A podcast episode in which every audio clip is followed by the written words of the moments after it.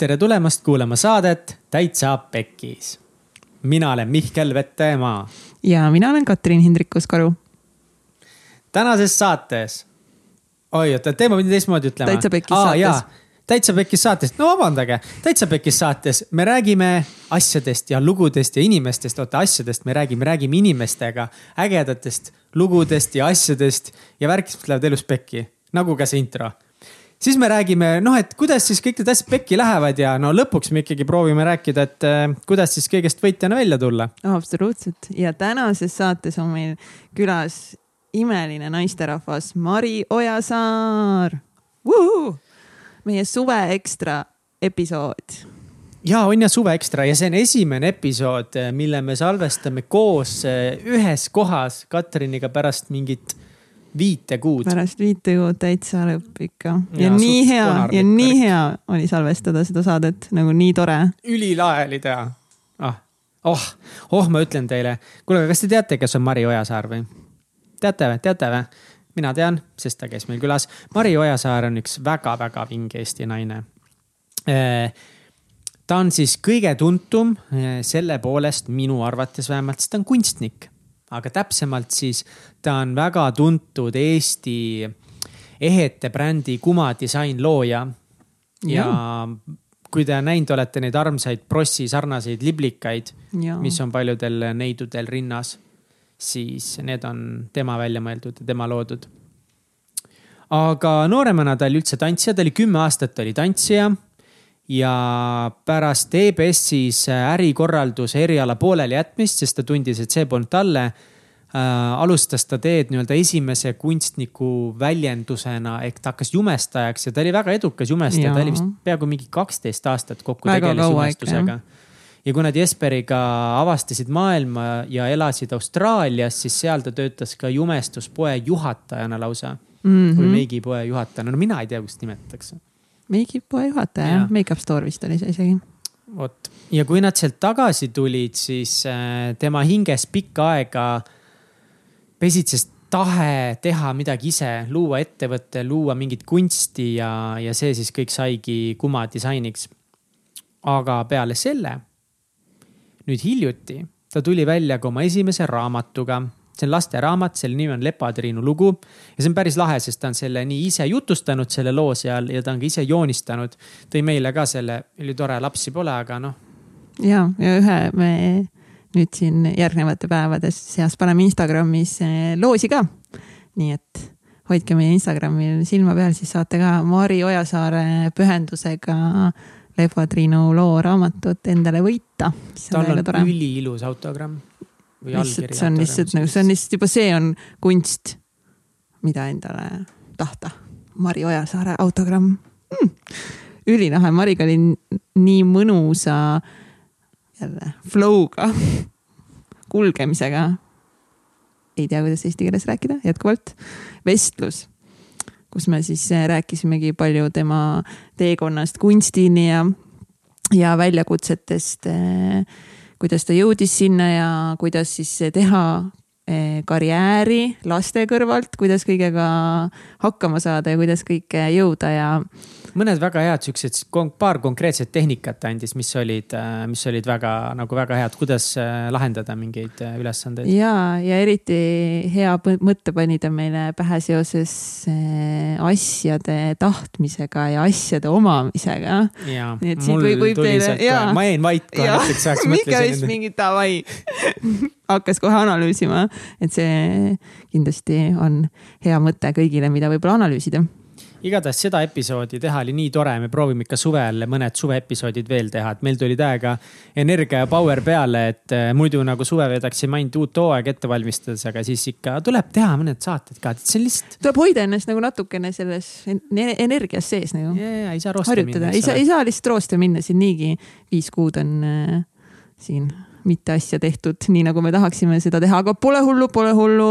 kolmas hooaeg alates septembrist, kõik jutud, uued värgid, onju, Mihkel? absoluutselt. It's gonna be bigger than ja, ever me oleme nüüd äh, Katsi Egenti kontoris, me teeme oma stuudio siia. nii et me oleme jumala suur samm, kaks aastat on nüüd möödas ja enne kolmandat aastat me nüüd täna esimest korda salvestasime ka ju põhimõtteliselt meie uues stuudios. jaa. see on selles mõttes, see on nagu veel jumala blank, et meil on siin lihtsalt nende ühes ruumis on meil siin lauad ja toolid ja kõik muud räni. aga me hakkame vaikselt seda täitma, meil on natukese tehnikat veel puudu, aga meil on mikrofonid enda omad meil on, mis meil on, statiivid, meil juhtmed. on juhtmed, meil on juhtmed, people, meil on juhtmed, aga mingid asjad pidime seekord laenutama ka, et ühesõnaga ülilahe ja see on suuresti tänu sellele, et on olnud häid ja lahkeid inimesi, kes on meid toetanud. ja suur-suur-suur tänu kõikidele, kes on meid toetanud, kas äh, Patreonis või, või teiste kanalite kaudu, et mega vinge ja kui te tahaksite ka aidata meil seda saadet edasi viia ja ja kutsuda ägedaid inimesi saatesse, siis eh, toetage meid Patreonis, täitsa pekki äh,, oot-oot-oot, patreon.com kaldkriips täitsa pekkis. just. ühe, kuradi ühinege perega noh, selles mõttes, et andke oma raha meile. absoluutselt, I feel that. kui palju, palju, nagu palju ei taha anda, siis paar eurot on ka väga tore. oi, see oleks megatore ja kui üldse paar euro ei taha anda, siis see on ka tore, see on ka fine. lihtsalt ära enam kuula, palun lahku. küll, küll, küll. ühesõnaga armastame teid kõiki ja mul on hea meel tagasi olla. Teiega ilusat äh, suve ja nautige ja, ja selle käigus ka follow ge meid Instagramis ja Facebookis ja, ja kui see episood inspireeris sind, siis jaga seda vähemalt ühe oma sõbraga. et ka tema saaks siit saatest häid mõtteid ja inspiratsiooni juurde. head kuulamist, kuulamist uh, on fire, lihtsalt sünk samal ajal, tule siia. tere tulemast, täna on Mihkel stuudios esimest korda üle viie kuu ja see on nii tore, sest mul on siin üks hästi ilus, ilus särav naine, kes vaatab mulle otse silma ja ma veidikene sulan. Tere, Mari. tere, Mihkel tere tulemast stuudiosse, Mari Ojasaar wow,. Mihkel, see oli imeline, imeline. ma olen imeline. ma arvan, et kuulajatel oli lihtsalt nagu see pehmus kõrvas oli lihtsalt nagu mõnus mm.. mul on punane kleit seljas, ma vist natuke punastan ka praegu Mari on vist üleni punane, Mihkel. Mari on üleni punane, sa tulid üleni musta autoga. see oli nii seksikas auto. ja meil on Yes Tribe peale kirjutatud, ülišef ja muidu ma sõidan väga palju veloga ja rongiga, aga täna tegin erandi. Jesper laenas mulle oma tõlda. sellepärast, et meie praegune stuudio on kohas, kuhu transport ei liigu. ma pidin ka veloga tulema siia väntama lihtsalt läbi linna. vaesekene Mihkel. aga tegelikult oli hea. ei, see on jumala okei okay., tuled siia Balti jaama turu juurde ja sealt sõidad veloga. noh, tuled rongiga näiteks Balti jaama turu juurde ja siis tuled rattaga siia. tehtav on. sa Jesperi podcast'is äh, said nii hästi hakkama, aga enne sa rääkisid meile, et tegelikult, et sa oled hästi nagu visuaalne inimene. sulle meeldib kunst ja joonistada ja rääkimine pole üldse sinu teema. nii on. Ähm, ma olen ise selle peale palju mõelnud, et miks nii siis on. et ma tõesti uues seltskonnas pigem olen natukene tagasihoidlik ja vaikne, kuni ma tunnen, et äh, see seltskond on mõnus, turvaline ja, ja sihuke chill nagu teiega olete ja siis ma hea meelega ka räägin, no siis ma võin päris palju rääkida, eriti kui ma kohvi joon aga ma arvan, et see on sellepärast, et äh, ma olen, äh, mul on kaksikõde ja teadupärast kaksikud või mitmikud räägivad niimoodi, et nad ei pea lauseid lõpetama. Nad nagu see kaksik siis äh, tajub neid juba poole lause pealt. see on päris filmi klišeelik lihtsalt see on nii armas tegelikult, kui sa teadlikult isegi hakkad kuulama kaksikuid või vaatad, justkui nad väiksed ka on, siis on sihuke. ja nad teevad kõik asjad ära, nad saavad üksteisest väga hästi aru aga, aga noorukina ma tundsin, et, et minu see kõnepruuk on selline, et inimesed pidid kogu aeg küsima, oota, mis sa ütlesid, oota, mis sa ütlesid. ja siis ma hakkasin teadlikult natukene sellele mõtlema ja üritan ka täna ilusti laused ära lõpetada et ma arvan, et see on üks põhjus, miks ma tunnen, et ma võib-olla jah, kõnes nii tugev ei ole või vähemalt äh, eelistan äh, visuaalselt midagi teha. aga kui vana sa olid, kui sulle öeldi niimoodi, et ah, mis sa ütlesid või mis sa ütlesid? ma olin nooruk äh,, väga hästi oli enda kõne näha äh,. me kunagi tegime aega ühte telesaadet, Pärli peegel ja seal, kui oli vaja mingid laused öelda, siis me pidime ikka korduvalt ja korduvalt uuesti ütlema, et see lause korrektselt äh, endast välja öelda ja nii, et see oleks ka eestikeelselt nauditav kuulda, kuulata et siis, siis tegelikult tekkiski see äratundmine, et, et minul ei ole võib-olla kõige tugevam see osa, et see, kuidas ma räägin. et sellega tuleks tegeleda. mis, mis tunde see sulle tekitas, kui keegi ütles sulle jälle, et oota, mis sa nüüd ütlesid? Ehm, ei, minul, minul on okei okay,, ma võin uuesti korrata ennast, et see ei ole nagu otseselt probleem, aga lihtsalt see, et, et hakata tegelema nagu juba täiskasvanud eas sellega, et sa räägid puhtalt, et see on, see on tegelikult päris põnev ja, ja ma olen hakanud aru saama, et ma väga naudin, kui inimene räägib mitmekülgselt. et ma olen nagu väga hakanud nautima seda, kui ja inimesed räägivad nüüd mahlakalt, mitmekülgselt et, et kasutavad võib-olla mingeid sõnasid ja, omamoodi. me ei kasuta ainult seda estonglish'it, see on meil põhiline. ma juba muretsen selle episoodi pärast ei, aga see on, see on nagu tegelikult mõnes mõttes isegi haruldus äh, praegu niisugust asja kuulda kuskilt, et, et sellepärast ma võib-olla ka, see jääb rohkem nagu silma, silma, kõrva, see jääb see kostub rohkem kõrva, oleks õigem öelda. no ilmselgelt ma olen wow, visuaalne inimene. kostub rohkem kõrva, see on väga kaunilt öeldud. on küll jah, ja kusjuures vist isegi ei tohi öelda meie saate kohta episood, sest vist episood on ainult see meditsiiniline termin. Eesti keeles või? jah, et keegi tõi selle välja, ma ei ole seda fakti nüüd kontrollinud, aga tõenäoliselt see võib nii olla, et me peaksime kogu aeg ütlema, et nagu, et see on saade ja saade number üks või midagi sellist. aga kuidas on saate osa? Sa-, ongi saate osa, osa üks äkki jah? peatükk või? peatükk võib-olla, episood. no jumal küll, hästi raske on eesti keeles rääkida tegelikult no tegelikult seal on see, et, et ega asja ei pea nüüd keeruliseks ajama, et mina nagu mingit keerulist kõnepruuki küll taga ei aja, seda ma ei naudi mm, -hmm. et kui keegi ütleb midagi, siis mm -hmm, ma ei saa mitte midagi aru praegu, aga teen nägu nagu justkui sain.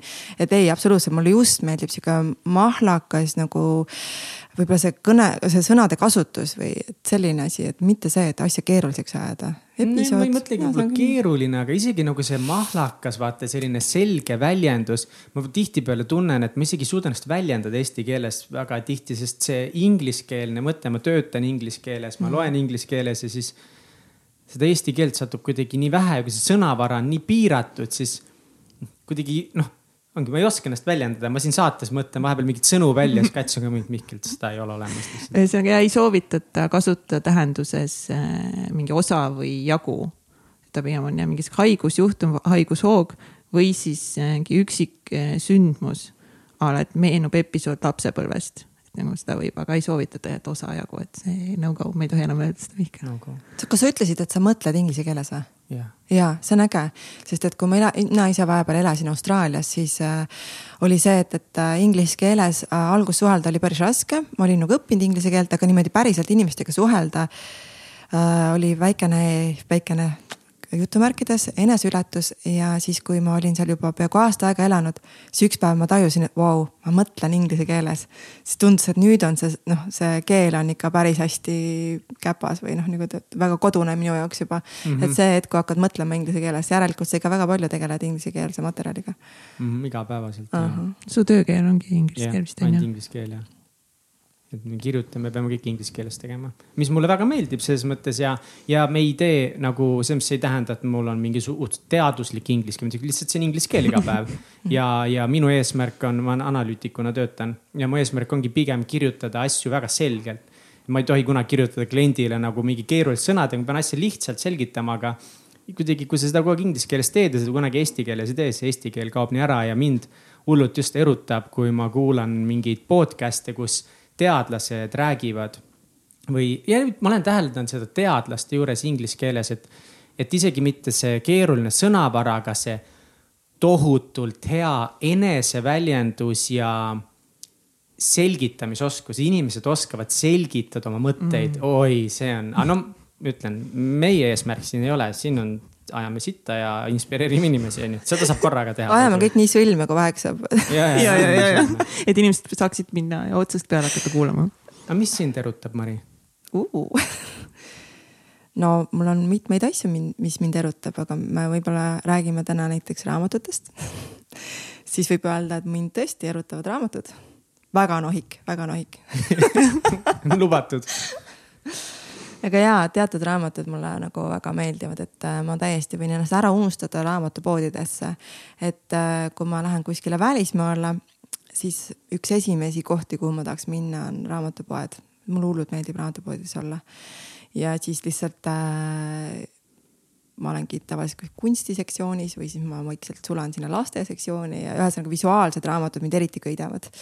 Et lihtsalt neid vaadata, kuidas on tehtud kujundus ja millised illustratsioonid ja sellised asjad, et, et see teema mind tegelikult väga erutab. kas sa loed ise ka palju raamatuid? mul käib niimoodi lainetena, et ma vahepeal loen äh, tõesti niimoodi, et äh, iga hommik tš, alustan kohe kõik, kõik vaba hetk, mis tekib äh,, kõik vabad hetked, mis tekivad, ma kohe haaran raamatu ja loen. ja nii võib kesta mingi kolm-neli kuud ja siis tekib paus. Et äh, võib-olla see paus tekib sellepärast, et on mingi natuke vale raamat kätte sattunud, mida ma pusin ja pusin ja siis ei lähe edasi. ma väga ei ole see tüüp, kes tahab raamatut pooleli jätta millegipärast. vot ma ei tea, see on mingisugune naljakas asi, et äh, et äh, kui tunned, et, et, et oot, kohe läheb paremaks või oot, kas ma, kui ma ei hammusta seda läbi, siis või mis värk sellega on, et, et äh, aga nüüd ma ikkagist annan endale aru, et, et äh, see ei tähenda, et raamat halb on see ei tähenda, et mina rumal olen, see tähendab seda, et see ei ole õige hetk mm. -hmm, et kui see raamat tundub, et ta tõesti tegelikult on suht hea ja mina seda praegu läbi ei hammusta, siis ma lihtsalt panen selle kõrvale ja ootan seda õiget hetke, et mul on olnud küll niimoodi, et kaks aastat hiljem vaatan, et uh puhas kuld noh, need, et, äh, et jaa, ei, ma loen hea meelega eestikeelseid ja ingliskeelseid raamatuid. mina jätan väga hea meelega raamatuid pooleli. kohe, sul on kohe hea tunne. mul on kohe hea, hea tunne, sest äh, mõnikord see, et sa tahaks lugeda ja täpselt nüüd sa võtad yeah. selle ühe raamatu kätte ja kui sind täna ei kõneta, aga sa tunned, et sul on nagu kohustus seda edasi lugeda, sest muidu see ei ole nagu korrektne lugemine mm -hmm. või mhm. midagi sihukest. see on jumala vale, see on täiesti okei okay lugeda korraga mitut raamatut, siis tekivadki erinevad seosed, huvitavad mõtted. ja noh, mida sa piinad ennast, kui sa nagu tunned, et sa praegu ei taha seda. võta mingi asi, mis sind rohkem kõnetab ja ma ei tea, mul on see ootus nagu, et kohe läheb paremaks või kohe saan selle mingi pointi kätte, et tegelikult mul on filmidega samamoodi, et kui ma olen filmi alustanud ja ei, noh, see oli kunagi, ma praegu hetkel isegi ei saa väga filme vaadata ja kui see film ikka hakkab algust kohe venima, siis ma pigem selle aja nagu cancel dan ja panen kinni. aga vanasti oli see ka, et äkki läheb kohe paremaks või äkki läheb paremaks, et kui olen midagi alustanud, ma nagu ei taha väga pooleli jätta niimoodi, et. et Jesper vahest teeb nii, et noh, et kerib edasi või. aga kas on mingid, mingid raamatud, mis on sind eriti elus inspireerinud? mingid raamatud, mis mind on eriti inspireerinud, oota, mul on kindlasti palju raamatuid ma nüüd mõtlen, võtan need kolmkümmend sekundit välja, et siis Midagi. mõelda. sest et äh.... mina valan siis kohvi samal ajal endale uh. -huh.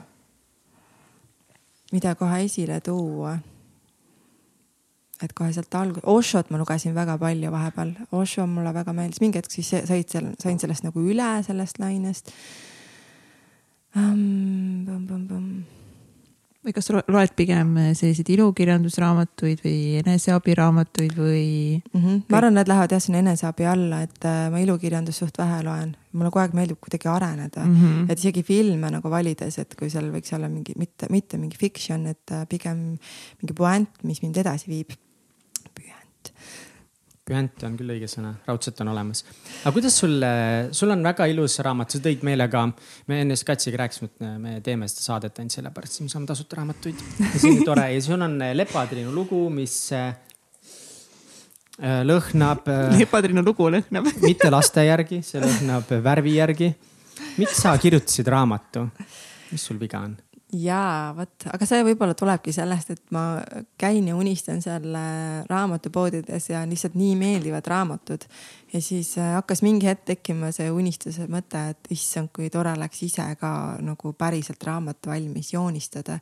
sest ka see raamat Leppetinu lugu valmis niimoodi, et ma tegin kõigepealt visuaalid et loomulikult mul oli see sisu noh teada endal peas, aga siis ma kirjutasin nagu loo valmis. kas see oli nii, et tuli tahe raamatut kirjutada kirjutasid selle Lepatriinu loo valmis, joonistasid ära, kirjutasid teksti ja oligi olemas no,. see oli mingi seitsme minutit seitsme minutiga, kuus pool tegelikult mul on niimoodi, et äh, ma olen sellel teemal, et võiks teha raamatut, unistanud kuskil kaks-kolm aastat. ja ma olen juba mitu raamatut ka endale nii-öelda sahtlisse joonistanud. E, erinevaid teemasid e, aga kõik on seotud loodusega ja üks raamat, ma vaatasin isegi oli vist äkki kümme või, või kaksteist lehekülge. ja noh, sel hetkel oli mõte, et teen raamatu ja kingin näiteks oma venna tütrele jõuludeks, et pigem nagu teistmoodi jõulukingitus aga ei olnud nagu selline mõte, et päris seda suurele, suuremale ringile a la raamatupoodides jõuaks, see unistus tundus lihtsalt nagu noh, natukene, natuke suur. kas see Jesper Parve mängib siin rolli, et ta oli ikka nagu davai, Mari, raamat, raamat, teeme raamatu. kusjuures ei olnud, et me üksteist niimoodi ei survesta, aga ta teab muidugi, et mul on see kogu see idee, et ma tahaks lasteraamatut teha, mulle meeldiks see mõte aga kui me olime Hiiumaal äh, sellel ajal, kui oli see viirus Eestis ja me jäime nii-öelda Hiiumaale kinni, me ei saanud sealt enam tulema, siis äh, ma mõtlesin, et vot nüüd selle situatsiooni, mis nii-öelda maailmas on nagu noh, halb, eks ju, et mina keeran selle enda jaoks just heaks. ja kuna me elame seal väikemajas ja noh, iga päev käime looduses, aga suurt midagi muud seal teha tegelikult ei ole. et siis ma lihtsalt hakkan oma unistust algusest peale iga päev teen mingi sammu selle unistuse poole ja ma otsustasin, ma iga päev joonistan äh, selle raamatu jaoks ja põhimõtteliselt iga päev joonistasin ühe pildi valmis või siis vähemalt poole peale. Ja riputasin selle meile sinna suurde tuppa pesulõksudega niimoodi nööri peale, et hakkas nagu meie suur tuba hakkas täituma nagu raamatust. Wow.. ja kuna see meil on väike maja, siis terve see maja oli varsti neid pilte täis. Aga mis siis, kui sa ärkad üles, ei ole tuju joonistada, tihti on nagu nagu siit lugeda välja need tehnikad praegu, et väiksed sammud iga päev, et mingis podcast'is raamatukirjanikud äh,, kirjutajad on rääkinud ka, et, et üks meetoditest on see, et sa iga päev pead midagi kirjutama mm -hmm., ükskõik mida, vahet ei ole, kas see on halb või hea. ja sinu eesmärk oli iga päev midagi joonistada, kas sul iga päev, sul oli tuju joonistada ka või?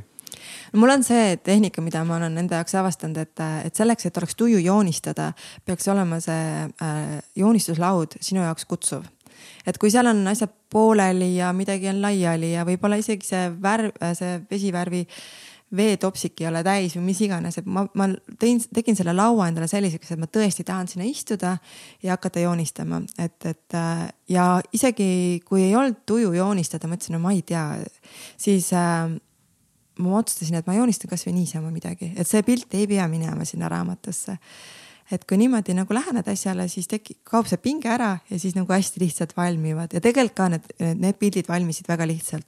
võib-olla üks äh, tehnika veel, mis selle raamatu valmimisel kaasa aitas, oli see, et enne seda ma tegin äh, nii-öelda ajaviiteks äh, endale siukse kunstilise ülesande et joonistada lindu haigur, aga niimoodi, et ma ei kasuta nagu traditsioonilist äh, nagu joonistamist, et joonistad noka ja teed suled ja silma ja et minu meelest aga ikka ühel vist oli silm ka, aga ühelgi nendel lindudel silma isegi ei olnud. et ma hakkasin nagu ennast äh, nii-öelda natukene nagu äh, nagu suruma või noh, nagu, nagu andsin endale ülesande, et ma prooviks seda haigurit võimalikult erineval viisil joonistada. et seda värvi ja kompositsiooni nagu mängu teha see oli hästi põnev, aga see nagu lõi nagu mingi kanali lahti. et pärast seda minna edasi selle lepatriinu loo juurde, mul oli juba niisugune, et oh, ah paber, tule siia, ma ainult nagu lasen hästi vabaks ennast, et just see, et, et lased vabaks ennast. et kirjutamisel ka, et võib-olla kui on see, et noh, sa pead kirjutama midagi ja siis sa oled niimoodi kramplikult, aga et kui sa lased hästi vabalt, et kõik, mis tuleb, on okei okay et kui täna ei tulegi nagu midagi, noh, see on ka okei okay,, vähemalt ma andsin endast parima ja ma nagu kirjutasin. et siis kaob igasugune pinge ära. ma väga mõtlesin, et kuna, kuna tegemist on lasteraamatuga ja lapsed on tegelikult väga-väga tänulikud, kui sa lihtsalt tegeled nendega mm. -hmm. et kui sa lihtsalt nagu ilusa pildi joonistad ja, ja et, et, tegelikult see, et seal on võib-olla mingid plekid kuskil või midagi laiali läinud see lastele just meeldib, nad ei taha tegelikult seda, et kõik on mingi nii puhas ja pärast nad äkki vaatamise ajal aevastab kogemata ja lähevadki mingid maasikaplekid kuskile sinna, eks ju, see annab ainult juurde sellele raamatule, et siin selles raamatus nagu väga midagi nässu ei saa minna aga kas, äh, mis on nagu peamised väljakutsed raamatu kirjutamisel, et sa ütlesid ka, et sa oled tegelikult seda ideed nagu, aga te, ma nagu pean isegi veel küsima, miks on nii popp raamatuid teha üldse, miks see nii lahe on, mis selles unistuses või selles mm. eesmärgis või selles ja, idees, mis, mida sellest nii kutsuvat on, nii paljudele inimestele meeldib luua raamatut, miks? Aga see on selle, see on mingi sisemine hääl, mis ei jäta lihtsalt, ei jäta ja sa nagu kogu aeg sul mõttes käib, et ah, et mida täna võiks teha, et ma, ma mõtlen niimoodi, mida ma võiks täna teha, et ma õhtul tunneks ennast hästi, et oh, tänane päev oli nagu väga hästi veedetud. siis mul oli kogu aeg, võiks midagi selle raamatu jaoks teha, noh, kuule, davai, tee selle raamatu jaoks. et kui sul on sisemine hääl nii tugev ja see ei jäta sind mingi kaks-kolm aastat juba, no ma ei tea, tee siis raamat ära aga kas see oli kuidagi demotiveeriv või oli see väljakutsuv, raske, et sa nagu proovisid mitu korda mm, -hmm. aga ikkagi nagu nii-öelda kohe esimene versioon ei olnud see Lepatriinu lugu? ja see selles mõttes oli küll nagu, et kuna ma äh, joonistan ja teen tööd kahe, kahe väikse lapse kõrvalt, siis äh, mõnes mõttes küll, et kuna ma olin juba nüüd mitu raamatut alustanud ja nad eks on pooleli jäid. ma ei saa öelda laste pärast, aga noh, tihtipeale on hästi hea panna neid nagu ettekäändeks. et äh, tänu lastele, et ma ei, olen, järelikult ma eelistasin tegeleda lastega või ma ei olnud ise valmis võib-olla selleks veel, et ma, need olid ka nagu, ma võtan neid nagu et need täitsa pekki läksid, ma ei võta seda niimoodi, ma lihtsalt võtan seda nii, et, et see oli nagu eelsoojendus et sel läbi nende, selle katsumust, läbi nende raamatute, mis pooleli jäid, ma saan teada, et mida ma pean tegema, et ma reaalselt nagu lõpetaksin äh, raamatu joonistamise, kirjutamise. Aga Katrin, ennem sul üks küsimus jäi pooleli, et kas Jesper survestas mind ja ma, ma hakkasin rääkima, et ma tegin selle suure toa neid mm, pilte täis. aga lihtsalt, kus ma tahtsin jõuda, on selleni, et äh, Jesper nägi, et seekord on mul tõsi taga, et ma ei jäta pooleli et need pildid tulevad ja tulevad ja ma tõesti iga hetke, et ma võisin nii ka teha, et korraks segasin kartulit või pastat ja siis istusin maha ja jälle joonistasin ja siis jälle mingi hakkisin tomatit ja kurki ja siis jälle joonistasin. ja ma tõesti nagu kasutasin nagu igat võimalust ära, et joonistada. ja siis, kui ma arvan, ma olin poole peal, siis mõtlesin, et kuule, aga äkki siis teeme või et see tuli niipidi, et ma tõesti olin valmis selleks, et ma joonistan need pildid valmis, võib-olla köidan nad kokku ja teen oma lastele raamatu sellepärast, et see lasteraamatu sisu, Lepotinu lugu, on ka selline, mida ma olen Aaronile, oma vanemale pojale äh, mitu korda jutustanud. et üks hetk ei hakanud neid raamatuid enam nii palju talle ette lugema, ta oli siis vist natukene üheaastane, noh, liiga vara veel lugeda ka. ja me hakkasime lihtsalt räägi muinasjuttu, räägi muinasjuttu ja mõnikord oled nii väsinud, et lihtsalt ei jaksa välja mõelda seda muinasjuttu veel. ja tuli see Lempa-Triinu lugu hakkas meil korduma kuidagi, seesama süžee, mis siin raamatus ka on. ja Aaron Kaik küsis seda, noh, hästi tore. ja, ja nüüd äh, on läinud mööda, mul on nüüd teine laps, kes on, kes oli ka siis mingi hetk noh, üheaastane, nagu nad ikka on. tema oli ka üheaastane wow, wow. nii juhtub. oota, mõlemad olid üheaastased nüüd on, Aaron on nüüd kuuene ja Thor on nüüd kahene, aga hakkasin jälle kuskilt äh, a la Thor nutis autos. mina olin roolis, midagi teha ei saa muud kui äh, lihtsalt, et emme loeb sulle seda Lepatriini lugu, et ma jutustan sulle seda muinasjuttu. ja lapsed jäävad vait ja kuulavad ja siis jess, toimib. ja siis äh, oli niimoodi, et seal Hiiumaal äh, õhtul magamamineku aeg, lapsed jälle natuke ärevil, juba kõik on väsinud ja, ja nemad on juba voodis ja ootavad, et ma tuleks sinna raamatut lugema ja Thor, kaheaastane, hakkas nutma seal. ja ma kohe hüüan, ma kohe-kohe tulen, kohe-kohe tulen, ise pesen ruttu hambaid umbes. ja siis kuulen järsku jäi vaikseks siis lähen vaatan, et Aaron jutustab talle seda Lepatriinu lugu oh. ja Toor ilusti kuulab. siis mõtlesin, et okei okay,, et tegelikult selle Lepatriinu loo äh,, Lepatriinu lugu raamatu sisu on hästi lihtne, tõesti lihtne, selline, mida lapsed saavadki ise jutustada ümber. et äh, siis mõtlesin, et okei okay,, see, see sisu on hästi lihtne, et miks mitte, ma alustangi sihukese raamatuga, mis on nagu väga lihtne et, et see on minu jaoks ka nagu lihtne, lihtne amps nii-öelda. ta ei ole loomulikult ei olnud nii lihtne amps, aga ikkagi see on nagu tehtav et võib-olla see on ka üks mõte, et, et ei olegi, kui on mingi unistus, ei ole mõtet hakata kohe tegema palju raskemaid raamatuid, vaid alustad millestki kergemast. sest mul on juba peas paar raamatut, mis nagu ketravad, mis on juba enne seda raamatut ka ketranud ja mida ma olen ka nagu hakanud proovima joonistada. aga need, see sisu on võib-olla natuke keerulisem. ja siis äh, olengi toppama jäänud et see on selline lugu, mida jah, lapsed oskavad ümber jutustada ja minu jaoks on see väga oluline, sest et äh, ma küll Aaronile ja Toorile loen raamatuid ja siis ma aeg-ajalt küsin, et noh, mis ma lugesin, et palju aru saite. ja eks see niisugune noh, kas nad said või ei saanud aru, et, et, et ma mõtlesin, et tegelikult on vajalik, vaja, vaja selliseid raamatuid, mille sis, sisu on lihtne aga kas sa põdesid ka nagu seda, et äh, kuidas inimesed vastu võtavad või see on sinu looming, et kas mm. kirjutad kõike, et kuule, Mari, suht nõme raamat ikka nagu, mida sa teed? et kas mul tuli loominguline pohmell? loomingu, mis see tähendab, pole kunagi see kuulnud. ongi nii, et, et teed midagi ära, avaldad selle ja siis tunned, et oh-oh, et kas, kas ma nüüd päriselt nagu kõike seda, mis ma tegin, kõigile näitasin ja jagasin aga kartsid sa mingit kriitikat või seda, et ja. ah, koledad pildid on või loll tekst või?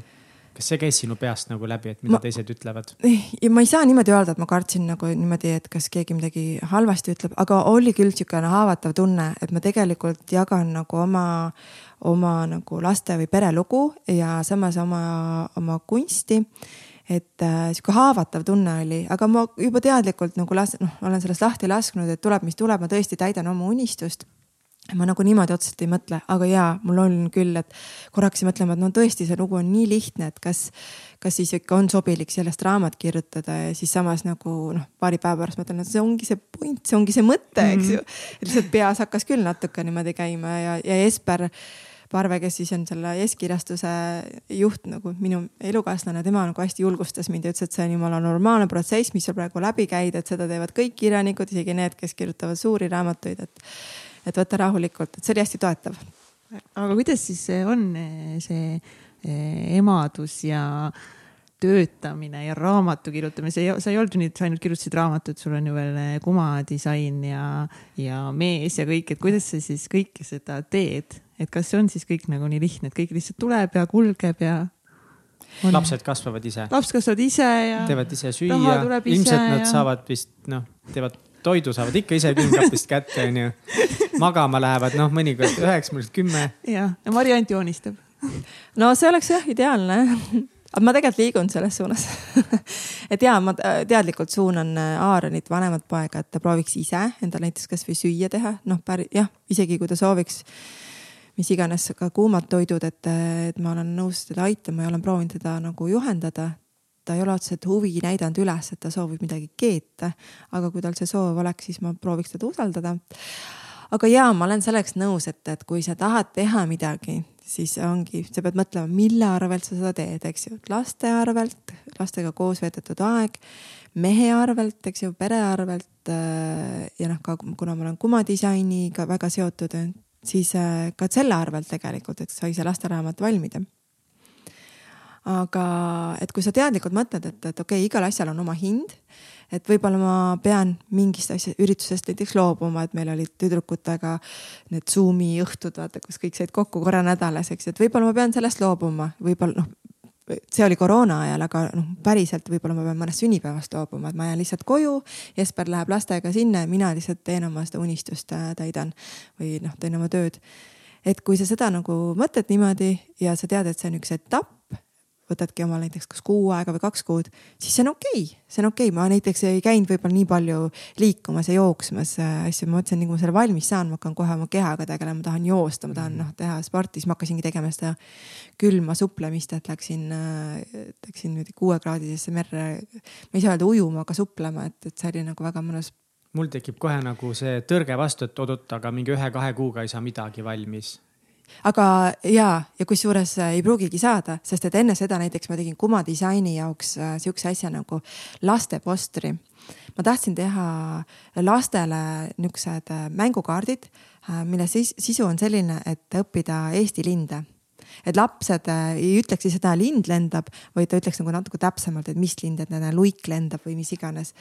ja see natuke ka iseenda jaoks õpetlik, et ma mõtlesin, et sellega ma õpin Eesti linde ja ja see tundus nagu selline, et okei okay,, nüüd on vaja nelikümmend lindu äh, joonistada, et päris palju, eriti kui sul on väike laps ja, ja, ja tundus nagu liiga suur äh, et, ettevõtmine. aga siis tükeldad selle, selle projekti nagu väikesteks projektideks, et hakkad kuskilt peale ja ma tean, et võib-olla ma teen seda kolm kuud aga siis lõpptulemus on selline, vaata, vau, kuidas sa selle valmis tegid. et mul ongi nii äärmiselt kirjutavad emad äh, sotsiaalmeedias, et, kuidas sina küll leiad aega, et, et äh, teha neid asju, oma projekte valmis. aga tegelikult ma olen nagu tükeldanud need hästi väikesteks etappideks ja see on okei okay,, kui ma mõni päev ei tee. et kui mõni päev ma näen, et lapsed vajavad mind, mees vajab mind, et siis ma jätan selle tegemata, et ma nagu see ei ole nüüd midagi hullu, et, et. kas sul selleks tükeldamiseks on mingi protsess ka või kas sa kirjutad nagu üles etappidena nii-öelda arenduses on nii-öelda tarkvaraarendusprindid või kas sul on nagu mingid, see nädal mul on need neli ülesannet hästi väiksed. Või kuidas sa haldad seda või see tuleb täitsa intuitiivselt peast? no ta tuleb, äh, ta tuleb äh, niimoodi natukene vabamas graafikus, aga ma ikkagist mõtlen, et nii, et, et selle nädalaga, noh, tol hetkel ma mõtlesin näiteks selle nädalaga ma võiksin ikkagi seitse lindu ära joonistada. et kui ma iga päev ei jõua ühte lindu joonistada, jääb äh, üks-kaks päeva vahet, siis ühel päeval, teisel päeval ma võiksin kaks lindu joonistada, et umbes niimoodi.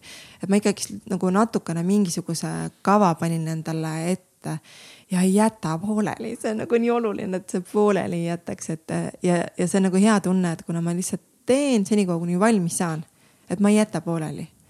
et senikaua teen, kuni valmis saan. aga kas sa usud, et see on nagu mõtteviisis ka hästi palju kinni, et, et kui sa mingi ikkagist, see on sinu unistus ja sinu kutsumus ja sinu kirg, siis sa leiad selle aja nagu no matter what, kas sul on, ma ei tea, viis last, kümme last, mees, noh, ma ei tea, talud, kõik asjad, et me võime neid vabandusi leida nii palju, kui me tahame, miks midagi mitte teha.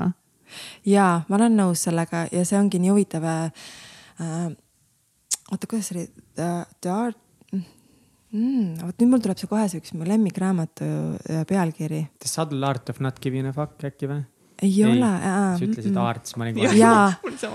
oli või? oota, mis raamat see nüüd oli, mu vend soovitas selle ta on hästi õhukene raamat, mul tuleb kindlasti pärast mm, -hmm. siis kui me lõpetame jutustamise. aga võib-olla tuleb ka varem. Äh, ja see räägib täpselt sellest, et kuidas, kui kunst, iga kunstnik on tegelikult, iga loomeprotsess on selline, et sa hakkad tegema ja siis mõtled. oot, oot tegelikult ma pean tee endale tegema või oot, oot tegelikult ma peaks midagi muud tegema või et see tekib see korraks see vastuolu nagu, et ah, mul on tegelikult, oota, mis asja, ma joonistan mingit Lepatriinu raamatut praegu, mul on sada tähtsamat asja, mida tegelikult mm -hmm. teha nii-öelda, eks ju. Et noh, ma ei tea, maja on sassis ja ma ei tea, lapsed söövad mingit purgisuppi ja noh, come on on ju, mis lepatriinut siin praegu, noh aga kui mõtled nagu suuremalt, et oot-oot, sa joonistad raamatut, on ju, lapsed võivad täna purgisuppi süüa, ma teen ju üldjuhul iga jumala päev neile nagu kodust äh, tervislikku toitu, see on okei okay,, kui nad praegu siin purgisuppi söövad, eks ju. et, et, äh, et see korraks tekib alati nagu loomeprotsessiga see äh, vastutõrge kui sa selle ära tajud ja mõtled nii, nüüd ma pean sellest lihtsalt korraks nagu üle minema. ja siis, kui sa üle lähed, siis üldjuhul võiks olla nii, et loomeprotsess on tegelikult nauditav sulle. ja sa hakkad, noh, mina, minul puhul küll on nii, et ma tegelikult väga naudin joonistamist, aga see algusetapp mm -hmm. on mhm. raske. no kuidas sellest tõrkest üle lähed, kui sul tekib see konflikt peas, et nagu okei okay,, aga tegelikult ma praegu peaksin selle pesu ikkagi kuivama panema. kas see on mingi väga mingi seksistlik asi, mida öelda ei, aga see on jumala okei okay,, sest tegelikult ma olen väga palju mõelnud niimoodi, tõesti olen yeah. mõelnud, et ma hakkan joonistama, mõtlen nii, ma joonistan mingeid lõvi mul on seal see pesu on äh, kõik äh, pulla-palla ja pille-palla, et keegi praegu majja astuks, siis no mina ei tea, ma joonistan lõvi, no kuule, come on, et nagu võiks teha asju, mis päriselt on vaja teha, tegemist. Aga üks äh, sihukene meetod, millega ma hakkasin ka tegelema, ma kogu aeg tajusingi, et näed, ma üritan joonistada ja mu peas käib mingi tikk-tikk-tikk, et Mari, sa peaksid tegelema mingi tähtsamate asjadega kui see joonistamine praegu. et vaata, et maja vajab, noh tuba vajab koristamist, mis iganes.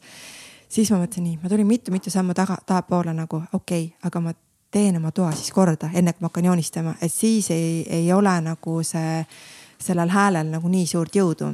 kuni sinnamaani, et ma tegin kõik oma äh, sahtlid puhtaks ja ma tegin nagu väga-väga korda kogu oma stuudio. et see keskkond, kus ma joonistan, seal ei karjunud mitte midagi. põhimõtteliselt ma nagu koristasin kõik trini-trani ära, et ma tegin nagu hästi-hästi puhtaks selle keskkonna.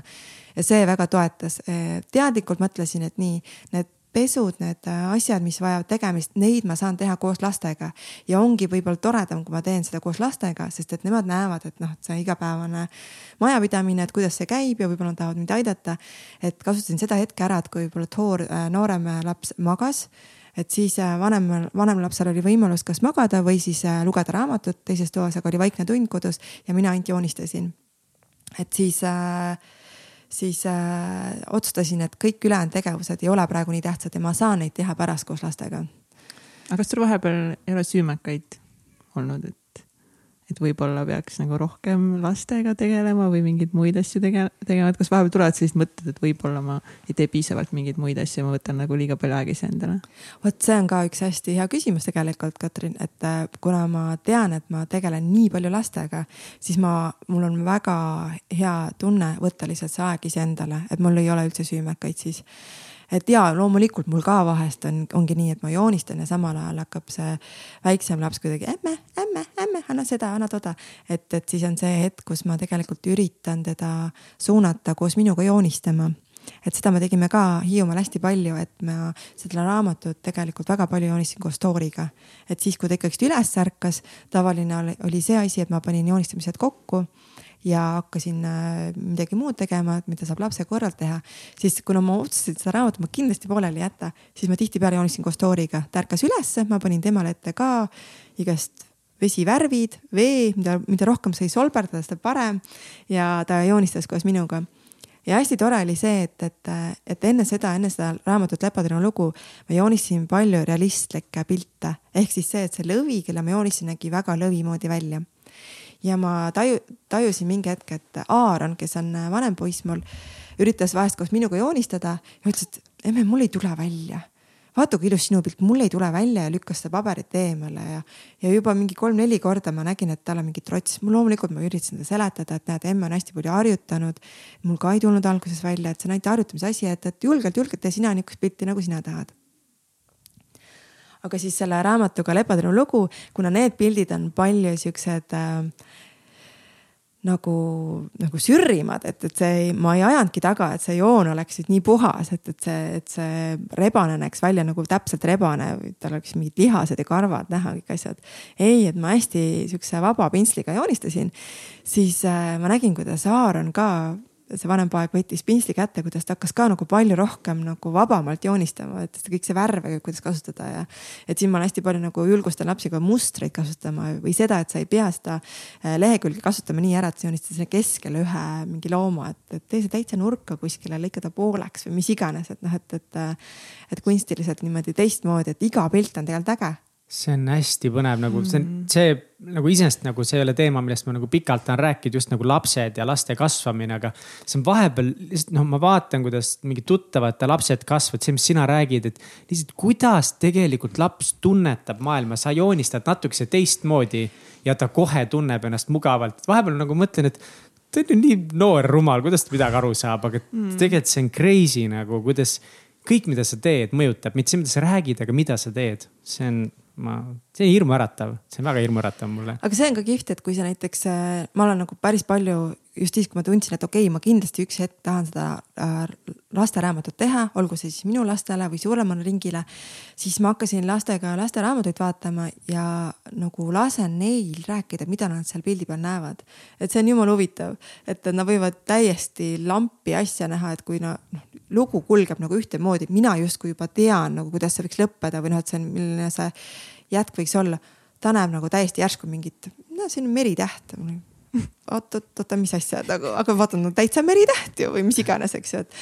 et, et äh, kui on niisugune soov näiteks lasteraamatut teha, et siis nagu lastega koos veedetud aeg on hästi hea, sest sa näed, kuidas lapsed võib-olla seda maailma näevad. kas sa oled alati olnud nagu nii sihikindel oma tegudes, et, et nagu sa praegu mitu korda ütlesid ka, et ma tahan selle raamatut teha, ma ei leia vabandusi, ma leian lahendusi, ma leian võimalusi, ma joonistan koos lapsega kas see tuleb nii lihtsalt sulle või, või on see ajaga tulnud või kas sa teed kõike nii sihikindlalt? no mul on tegelikult niimoodi, et äh, ma avastasin, alustasin oma äh, brändiga Kuma disain nüüd vist kuus aastat tagasi juba äh,. ja siis äh, ma olin ka reisinud äh, ümber maailma poolteist aastat ja olin äh, kirjutanud ja joonistanud oma erinevaid mõtteid päevikusse, et mida ma võiksin siis nagu teha, sest ma tundsin. enne seda ma tegelesin äh, jumestusega väga pikalt, kaksteist aastat, ma olin väga edukas ja mul oli nagu väga lihtne nagu selle alaga edasi teha tegeleda, aga ma tundsin, et ma tahaks teha midagi sellist, mida ma võin teha igal pool maailma nurgas, et mulle väga-väga meeldib reisida. ja, ja kui ma pean inimestega füüsiliselt kokku saama, et äh, nii-öelda oma ettevõtet teha, siis mul see võimalus kaob ära, et reisida. inimesi on igal pool ja, aga näiteks ma, kuna mulle väga meeldib Aasias reisida, siis ma tundsin, et ma näiteks Aasias meiki ei tahaks teha mm. -hmm. et Aasias ma tahan olla paljajalu ja mm, -hmm. ja päevitusriietega päev otsa ja ma ei, üldse ei taha nagu see on nagu natuke teine maailm on ju, et, et, et minna Aasiasse ja veeta kuskil päev, ma ei tea, pilvelõhkujas, see tunduks minu jaoks nagu noh, hoopis teistsugune kogemus aga siis ma mõtlesin, et äh, sellel reisil olles, et ma tahaks midagi teha sellist, mis annab mulle nagu väga suure vabaduse elada nii, elada seal, kus mina tahan ja ma kirjutasin neid erinevaid mõtteid, mida võiks teha selle jaoks oma päevikusse. nagu ideid. ettevõtlusmõtted või? ettevõtlusmõtted, ma mõtlesin, et kui ma teeksin mingi toote, mida saaks müüa, et seda võiks justkui teha igal pool maailma otsas, et sel ajal juba hakkas see veebipoodlus väga no, oligi juba jõus ja tegus ja, ja siis äh, olin tagasi Eestis ja ikka mõtlesin selle peale ja siis ma üks hetk saingi aru, et, et mul võib olla see paks ja lahe ja enda jaoks nagu nii inspireeriv see päevik, kus on kõik ideed kirjas. Ja küll ma käisin ja jahusin oma, oma nii-öelda mentoritele, oma vennale kasvõi seda, et, et oh, keegi võiks jälle sihukese firma teha, et ma nagu käin talle ideed välja ja siis noh, võib-olla pärast ta saab natukene sealt seda noh, mingi protsendi, aga põhimõtteliselt ta teeb selle idee mulle ära, eks ju no tänapäeval, täna ma ütleksin pigem vastupidi, et et, et äh, ma võin selle idee eest natuke maksta, aga see, kes selle ära teeb, see on ikkagist väga suur töö. ja siis ma sain üks hetk aru, et keegi ei tee neid ideid minu eest ära, et kui ma tahan midagi teha, siis tuleb lihtsalt võtta üks, üks nendest ideedest ja hakata pusima ja mulle tundus sel hetkel, et jällegi ma alustasin nagu oma ideedest minu meelest kõige lihtsamaga. et, et, äh, et see liblikas pross, millega siis praegu kumadisain on äh, väga aktuaalselt nagu tuntud nii-öelda. et, et millega me praegu ka meie brändi nii-öelda äh, põhiehe, põhiehe on. sellist logo ka teil? logo on ka loomulikult liblikas yeah. ja, ja, aga me oleme nüüd palju laienenud, et äh, me oleme rohkem nagu isegi kingituste bränd, et meil on riideid, ehteid isegi küünlaid, noh nagu laste osa on tulnud, eks ju, plakatid, postrid õpetliku sisuga et oleme natuke laiemalt äh, edasi läinud. aga tol hetkel ma hakkasin jah selle liblikaga tegelema. aga mis see ikkagi selle tõuke sulle andis või no kuidas sa said aru, et ma arvan, et see on nagu, et ma, ma just kahte sorti alustavaid ettevõtjaid on need, kellel ideed ei ole hullult tahet nagu, oi mul idee oleks, ma hakkaks kohe nagu pihta, ma kohe teeks. kohe otsiks kõik välja, onju, aga no kurat, ideed ei ole. siis teised on need, et mul on nii palju ideid, aga ma ei julge alustada, ma ei tea, kust alustada. võib-olla see idee ei ole hea, võib-olla see on kehv idee mm.. et, et kus miks sa nagu siis järsku pärast poolteist aastat ideestamist nagu võtsid selle ostu, otsuse vastu? no üks asi oli see, et me poolteist aastat reisisime, siis tulime Eestisse ja siis me elasime Esperiga koos ühes vanas Eesti talus.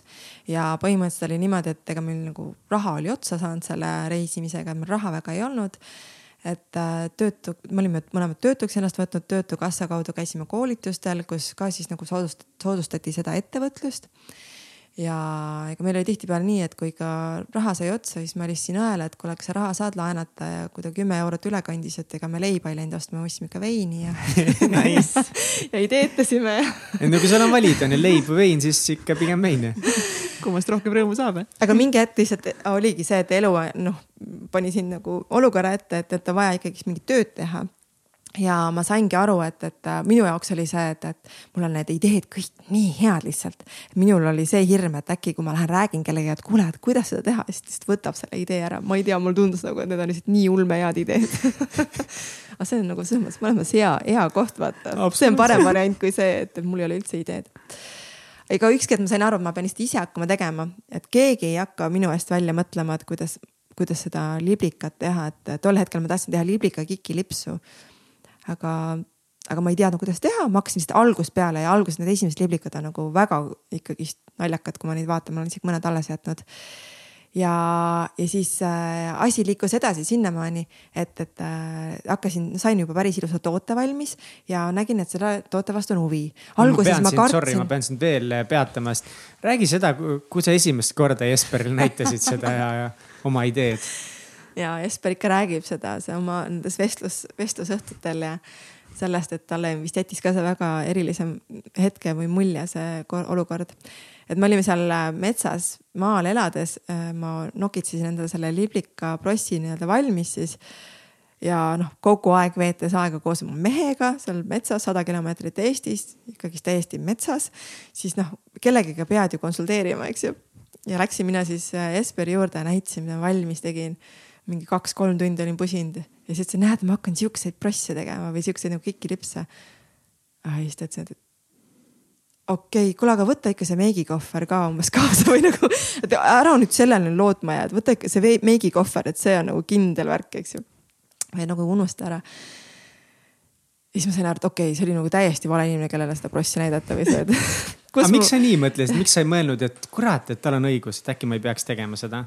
Aga ma ei tea, mul on mingi sisetunne, et mul tundus nii äge lihtsalt okay.. see on nii tore, kui endal on nagu nii kindel idee, et see on lihtsalt nagu nii äge idee. nii et kui naiste toote tagasisidet tahad, siis näita naistele, mitte meestele või? no jaa, kindlasti. ei, aga see on jumala okei okay,, et sa näitad ka mehele ja kui temale ka veel meeldib, no siis on täiega hästi ja kui ei meeldi, siis ei ole see hetk, kus ah, ongi nõme ära visata mm. -hmm. aga see oli ka huvitav, et ma isegi, ma olin nii kuidagi vaimustatud oma tootest, et ma panin mingi sünnipäevale endale kaela, et noh, et, et siis äh, õde ka näeb, eks ju, ja noh, mingi tagasiside. ise kartsin, et appi keegi teeb äkki pilti ja hakkab kohe tegema neid ja mina veel ei ja täiesti nagu. nii veendunud, et no, võetakse nii, ära. ja täiesti. praegu ma täiega itsitan lihtsalt selle oma enda, enda mina peale mõeldes ja selle mõttekäigu peale aga see on tore, sellepärast et see kogu aeg see väikene hirm, et äkki keegi teeb mu eest ära, pani mind nagu tegutsema, et ma hakkasin kogu aeg nagu seda, seda prossi paremaks ja paremaks arendama. ja huvitav oli see, et ma tegelikult väga tahtsin minna kunsti õppima ülikooli, aga mul ei olnud raha, et, et minna. Äh, ja ma isegi ei mõelnud selle, noh, ühesõnaga ma teadsin, ma pean kindlasti tööd tegema, et nagu minna tööle ja see kool, et ma hetk, sel hetkel tundsin, et mul ei ole see võimalik. ma otsustasin, ma teen iseenda ülikooli, endale ülikooli, et, et selle tootega ma nägin, et selle vastu on huvi et, et ma. aga kuidas sa nägid, kuidas see huvi üldse tekkis või mis, mis see, mis see alg protsess nagu oli, sest praegu tundub nagu okei okay,, sul oli lihtsalt mingi voltisid liblikaid ühe korra kaela, järgmine hetk inimesed juba tahtsid osta juba mingid uued suured tellimused. sellega vist oligi niimoodi, et ma läksin äh, paarile üritusele ja siis see sai nagu, nagu tähelepanu ja ma äkki tegin niimoodi, et ma tegin ikkagi paar liblikat valmis, tegin neile pakendi, et see oli minu jaoks nii huvitav, et vähe sellest, et sa toote, sa pead reaalselt mõtlema, et kuidas sa selle pakendad, et mis info sa sinna peale paned ja.... väga kaval oli teha pakend ka kohe jah? ja, ja, ja kuna ja mina arvan, et minu, minu puhul tol hetkel oli väga hea tõuge, miks see sai äh, populaarseks, see toode oli see, et kuna ma olen visuaalne inimene, siis ma tegin hästi palju pilte nendest ja juba siis hakkas see Instagram mm., Instagram kuidagi nagu toimima. ma kogu aeg postitasin hästi palju Facebooki ja niimoodi ja siis hakkas nagu nõudlus tekkima. niimoodi, et, et ma läksin, äh, Eestis oli või Tallinnas oli paar, paar seda disainipoodi ja nad olid noh nõus võtma seda toodet sinna müüki ja noh, põhimõtteliselt mingi hetk oli niimoodi, et, et ma kogu aeg ainult vaja juurde tuua ja vaja juurde tuua. aga kas alguses siis ise üksinda valmistasid täitsa neid? kogu aeg tegin ja siis oligi mingi hetk oli niimoodi, et ma kogu aeg tegin neid ja siis ikkagist tegin seda pakendit ja, ja siis kleepisin ja kõik jutud ja siis mingi hetk sain aru, et okei okay,, nii pakendit on vaja palju lihtsamaks teha, sellepärast et ma reaalselt ei jõua seda kõike niimoodi teha.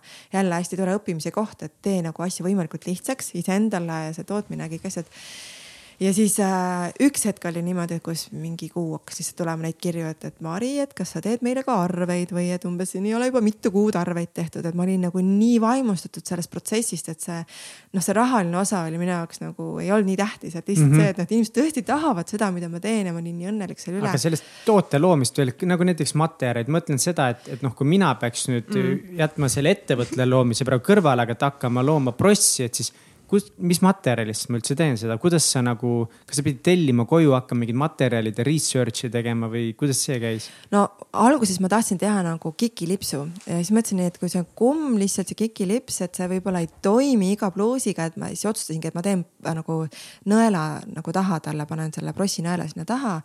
ja siis äh,, siis mõtlesin, et siis saab seda nagu ilusti kanda kikilipsuna ka, aga tegelikult äh, hiljem vaatasin, et loomulikult see on ju pross, et seda võib ju igati moodi kanda, et see ei ole vahet vahet, et see, kas seal otseselt kikilipsuna on. alguses oli, toote nimi oligi kikilips liblikas et sealt ka ma olen liikunud, alguses ütlesin namaste ja et ma olen liikunud selle kuma poole, siis kui ma läksin nagu professionaalsemaks. et äh, aga ja mul oli nii, et mis, mis materjalist, küll ma proovisin ise käsitsi joonistada naha peale ja, ja ma proovisin puidust teha, ma proovisin erinevaid variante läbi. et mul ongi kodus neid erinevaid äh, liblikaid mõningaid alles veel. et tasub nagu katsetada lihtsalt. täiega -hmm. katsetada ja et, et praegu ka, kui mul tekib mingi idee või mingi mõte või ma näen, et lastel tekib mingi mõte, siis lihtsalt hakkame mingi, kuskilt pihta, kõige tähtsam on see, et hakkad kuskilt pihta, sest ma päris kaua nagu mõtlesin lihtsalt, milles see võiks olla, milles see võiks olla, kuidas seda võiks teha. lihtsalt hakka nagu kuskilt pihta, et täiesti see võib olla niimoodi, et lõikadki kaardist välja liblika ja lihtsalt nagu ma ei tea, kleebid selle endale rinda ja vaatad, kuidas see niimoodi mõjuks nagu kuskil pluusi peal või kleidi peal, hakkad neid kuskilt täiesti niimoodi aasta peest pihta ja siis liigud kogu aeg edasi, et me hästi kaua tegelikult tegelesime Kuma disainil sellega, et need, need liblikaprossid oleksid võimalikult kvaliteetsed, väga suure kvaliteediga. meil oli vahepeal hästi suur äh, tootlusprobleem isegi nii palju, et äh, need äh, erinevad poed ähvardasid meid, et nad ei võta meid sisse, sellepärast et nii suur nõudlus on, aga meie ei too nii palju peale, kui vaja on me ei saanud sealt tuua, sellepärast et siis oleks see kvaliteet nagu nii alla käinud, et me tegelesime selle kvaliteedi äh, nagu juurutlemisega päris pikalt, et see oli nii tore hetk, kui see lõpuks valmis sai, sest et ma kogu aeg olin niimoodi, ma ei ole rahul, ma ei ole rahul, ma ei ole rahul, et ma ise olen nagu selles mõttes selle poolt, et ma ei taha nagu toota midagi sellist, mis läheb kohe prügikasti. aga kas ma saan õigesti aru, et, et sa seal talus, kui sa selle eh, paberist välja lõigatud liblikaga läksid Jesperi juurde, et siis pärast seda sinu siht ikkagi oligi sellest ettevõtte teha ja sa kuskile tööle ei läinud või? ei ja, ja et. kas see oli hirmuäratav ka või nagu see otsus? Eh, selles mõttes ei ole, et ma tegelikult äh, ei olegi kuskil kellegi all otseselt niimoodi töötanud, et äh, jah, ma olen ka noorest peast olnud a la ettekandja ja kõik erinevad mingid etapid läbi käinud. minu jaoks sihuke suurem töö oligi seal Austraalias, kui ma töötasin äh, Make Up Store'i poe juhatajana, et siis oli tõesti kaheksast viieni töö ja, ja minu jaoks oli see väga raske, mitte sellepärast, et mulle tööd ei meeldi teha, vaid sellepärast, et seal oli väga palju passimist. mm. oi, kuidas mulle ei meeldi see enda aja nagu mahaviskamine sellise passimise peale, et siis mulle juba meeldib kas ennast arendada, mingit raamatut lugeda või siis tõesti nagu midagi teha aga mul oli see varuvariant, et, et kui noh, isegi selle liblika tegemise, liblika tegemisega paralleelselt ma tegin veel natuke meigitöid. et, et, et noh, Jesper mingi hetk ütleski, et, et kuule, et kõik see raha, mis sa teenid, et sa paned jälle sinna liblikate alla. et see oli ka võib-olla üks selline koht, kus ma otsustasin, et ma üldse poodides ei käinud, kogu aeg ainult sekkarites, ma endale nagu midagi noh midagi ikka on vaja, aga sekkarites mul on kaksikõde, kõik tema on mingid riided sain endale. et, äh, et ma see raha, mis ma nagu teenisin meigiga, ma panin kogu aeg oma sellesse nagu liblika tootesse. mega tugev. mul on täiega probleeme sellega või just sellega, et ähm, jällegi täiesti mm. teine teema, aga just see, et sa tegelikult tahad endale nagu, võib-olla sina ei taha, aga ma tahan endale mingeid asju nagu lubada ja, ja yeah. ongi nagu see, et nagu kümme aastat ma olen nagu struggle inud mingite projektide vahel. mul esimest korda nagu töö, kus ma saan suht okeid palka. ja ma tegelikult tahaks kõrvale panna, investeerida, kas samal ajal on see mingi see tahtmine nagu, nagu midagi osta ja yeah., ja, ja kulutada ja kuidagi nüüd on justkui võimalus on ju, et nagu natuke saaks. aga ma ei tegelikult on, ma, ma ise arvan, et tegelikult sellel on äh, natukene teistsugune nagu vajadus see, et me ostame või kulutame palju, sellel on tegelikult, äh, kui sul on elus mingid asjad paigas, siis sul kaob ära see otsene vajadus või soov kulutada või poodelda või midagi sellist, et sa saad palju suurema naudingu. mis sul peab elus paigas olema? Ma mõtlen just, et mis sul elus puudus on, kui sa tahad kogu aeg midagi uut osta mm. -hmm. et mida, mis auku sa üritad sellega täita, sest sa niikuinii ei täida selle uue mingi hilbuga või, või. või autoga. kui see on kogemus, mida sa osta tahad, siis on teine asi, kui sa ostad kogemust, sa soovid elu kogeda. no ma ei tea noh, näiteks ma ei tea, lange, langevarjuga hüpata või lähed ratsutama mm, -hmm. mis iganes, sellest ma nagu, see on teistmoodi. ja see tekitab ka uuesti isu, võib-olla uuesti kogeda elu. aga osta mingisugune hilp endale või sa ütlesid nagu auto, mis iganes, eks ju. et võib-olla auto tekitab sulle mingi kindlustunde, see on nagu teistmoodi või noh, nõksa, et kui mm -hmm. sa mhm. tõesti tahad turvalise autoga sõita. mul ei ole üldse autot vaja tegelikult. ja, ja no vot sellega on ka see. see on mingi nagu enesekindluse teema midagi võib-olla, et väga hästi ütlesid, mingit auku nagu tahad mm. täita ja, kuidagi. ma arvan, et see on, ma arvan, et see on niimoodi, et sul on nagu elus mida, just, et okei okay,, me kõik, absoluutselt mina ka, ma just olin naistega Riias kolm päeva ja käisin ka shoppasin ja ka ma andsin endale aru, et tõesti viimati ma käisin võib-olla kas kuus kuud tagasi noh, nagu shoppamas niimoodi, et äh, ma teen seda väga harva ja mul on ka väga hea tunne, kui mul on uus kleit seljas või midagi sellist, aga see ei saa olla nii, et, et sa oled kaks päeva, käid ringi, siis mõtled, läheks nüüd uuesti shoppama või noh, ma ei tea, siis on nagu võib-olla juba siukene, et, et miks sul see tunne, minul on pigem see tunne, et ma nüüd tahaks nüüd joonistama minna või ma tahaks nüüd teha midagi perega koos, midagi sellist ma ei saa öelda, mis paigas on, aga võib-olla see, et mil, miks sa seda, miks sul on vaja midagi osta kogu aeg ma ei ole niipidi nagu kunagi mõelnud. see on see väga mulle... hea point, täiega. ja ma nagu kogu aeg mõtlen, et ja, et nagu ma saan sellest aru, et okei okay,, mingeid asju ei ole vaja. Ja siis ma mõtlengi nagu noh, selle ratsionaalsema nurga alt, okei okay,, et nagu kui palju ma saan kulutada protsentuaalselt, palju see mu palgast, palju see mu säästudest. ma ei ole kunagi mõelnud nagu selle nurga alt, aga miks ma ikkagi nagu. mis tühimikku see täidab? sest see tundub ja. kuidagi nagu nii lihtne, et ei, aga nagu kes ei tahaks ei no aga kes ei taha mingit kõige vingemat uut tehnoloogiavidinat, kes ei tahaks ägedat autot, et see, ma isegi ei ole kunagi mõelnud nagu sammu edasi sealt mm. -hmm. ma ei tea, ma olen jah jõudnud sinnamaani kuidagi, et äh, ja isegi äh, need hetked, kus sa ei saa võib-olla endale nii palju lubada. näiteks kui me seal maal elasime, siis ma ei saanud, äh, mul ei olnud nagu tegelikult raha, et reaalselt minna, me käisime kogu aeg seal Humanas ja mingites sekkaripoodides. et äh, loomingulisele inimesele see on tegelikult hea koht sellepärast et sa ei saa nagu väga shoppama minna või mingi poodlema ja sul on võib-olla raha vähe, aga see kuidagi avab mingisuguse, mingisuguse peas mingisugused kanalid, ma ei oska sulle öelda kuidagi, näiteks isegi selle sama selle Hiiumaaga. et äh, noh, shoppamises ma niikuinii puudust ei tundnud, vajadusel ma sain seda veebipoes teha. aga et kuidagi sa olid suletud äh, keskkonnas, ma ei saanud sealt loodusest kuskile ära minna, me olime seal ja see võib-olla jälle omakorda pani mind mingisugusesse, mingisugusesse nagu kanalisse ja ma hakkasin nagu looma. et tegelikult loomingulisele inimesele see nagu väga hästi toimib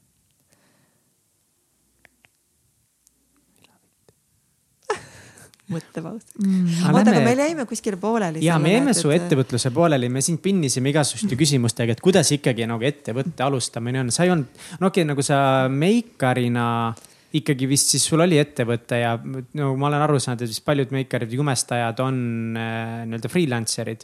nii et selles mõttes nagu see juriidiline pool, kas see oli täiesti võõras sulle või see oli midagi, mida sa olid enne kogenud?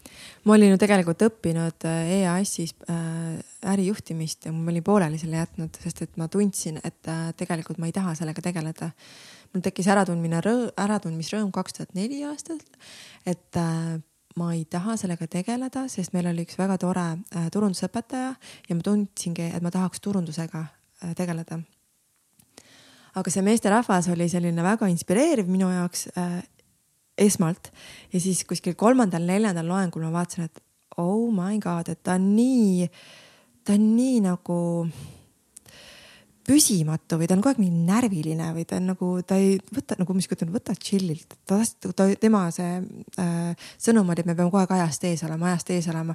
mis nagu mingi hetk ma sain aru, et tal ei ole üldse aega, tal ei ole üldse aega, kuidagi see käis, hakkas nagu tulema minuni. siis ma sain aru, et ei, ei, ei, ma ei taha, et mina olen naisterahvas, et ma tahan teha mingit rahulikku asja, ma tahan ju pere, ma tahan nagu, mina ei hakka närvitsema ja ma ei tea sihukese asjaga tegelema. ja tõesti, see võib tunduda, tunduda naiivne naiivs, naiivsena, aga ma nägin, et mina ei taha tegeleda elus sellise asjaga, mis kogu aeg nagu mingi kell tiksub kuskile või sa pead kogu aeg kuskile jooksma või mingisuguse asja. Sounds like Kats, story of my life. mul nüüd täna praegu ei tiksu, aga muidu tiksub täiega okei okay,, nii et, et selles mõttes, et see, see juriidiline pool võib tunduda samamoodi alguses nagu hästi hirmuäratav, maksud, käibemaks, ettevõtte loomine, kuidas sa liigutad rahasid, raamatupidaja mingi käibemaksudeklaratsioon. ma tegin seda alguses kõike ise, et ma tegelikult tegingi kõike ise, ma tegin Kuidas? raamatupidamist ise, no mul olingi seal koolis olin ju mingisuguse põhja alla saanud okay., eks ju. ja, tegingi kõike ise ja loomulikult seal ikkagi lonkasid ka mitmed asjad. aga mida sa soovitaksid äh, inimesele, kes äh, alustab ettevõtet, aga tal ei ole näiteks sõda põhja all? ta ei ole kunagi midagi sihukest õppinud no selline, kui ta alustab, eks ju, noh idee poolest, kuna see algus on tegelikult väga lihtne sul ei ole siukseid mingeid käibeliikumisi, et, et sul on ainult kulud ja tulud, eks ju. et sa saad äh, selle kasvõi ma arvan minimaalse koolituse põhjal äh, ära teha endal. või siis see, et sa tõesti palkad siis endale, noh, kui sul ei ole tegelikult raha, eks ju, siis on võib-olla raske. võtad endale sõbranna, räägite korraks läbi, sa paned lihtsalt selle, teed paar tulpa ja sul on see asi nagu nii-öelda alguses lahendatud, sest sul ei ole lihtsalt nii suuri liikumisi alguses aga see hetk just oligi, kus me ennem jutt jäi ka pooleli, et, et kui mulle saadeti neid sõnu, meile, et Marit, kas sa arveid ka kirjutad, et see tegelikult näitabki seda, et ma nende numbritega väga ei tegelenud et, et äh, see ei olnud minu jaoks nagu primaarne. et siis ma sain aru, et, et ja kuna tõesti see nõudlus ainult kasvas, ainult kasvas, selleks hetkeks mul oli juba ka esimene laps sündinud. niimoodi, et pidevalt ma saatsin Jesperi äh, lapsega kärutama ja andsin talle umbes kolm kotitäit liblikaid kaasa, umbes see kotitäis läheb sinna poodi, see läheb sinna poodi ja ta käis mööda linna niimoodi ja oli mul see liblikakuller, viis neid laiali ja siis ma sain aru üks hetk, et okei okay,, ma olen nüüd ema äh,, üritan olla ettevõtja ja tegelikult juba näen, et nõudlus on suur ja asjad hakkavad lonkama tänu sellele, et ma ei jõua kõike ära teha. et kuidas nüüd edasi liikuda ja hakkas juba sinnamaani asi minema, et ma tundsin, et ma ei jaksa lihtsalt rohkem, et, et kas ma siis tahan teha seda asja.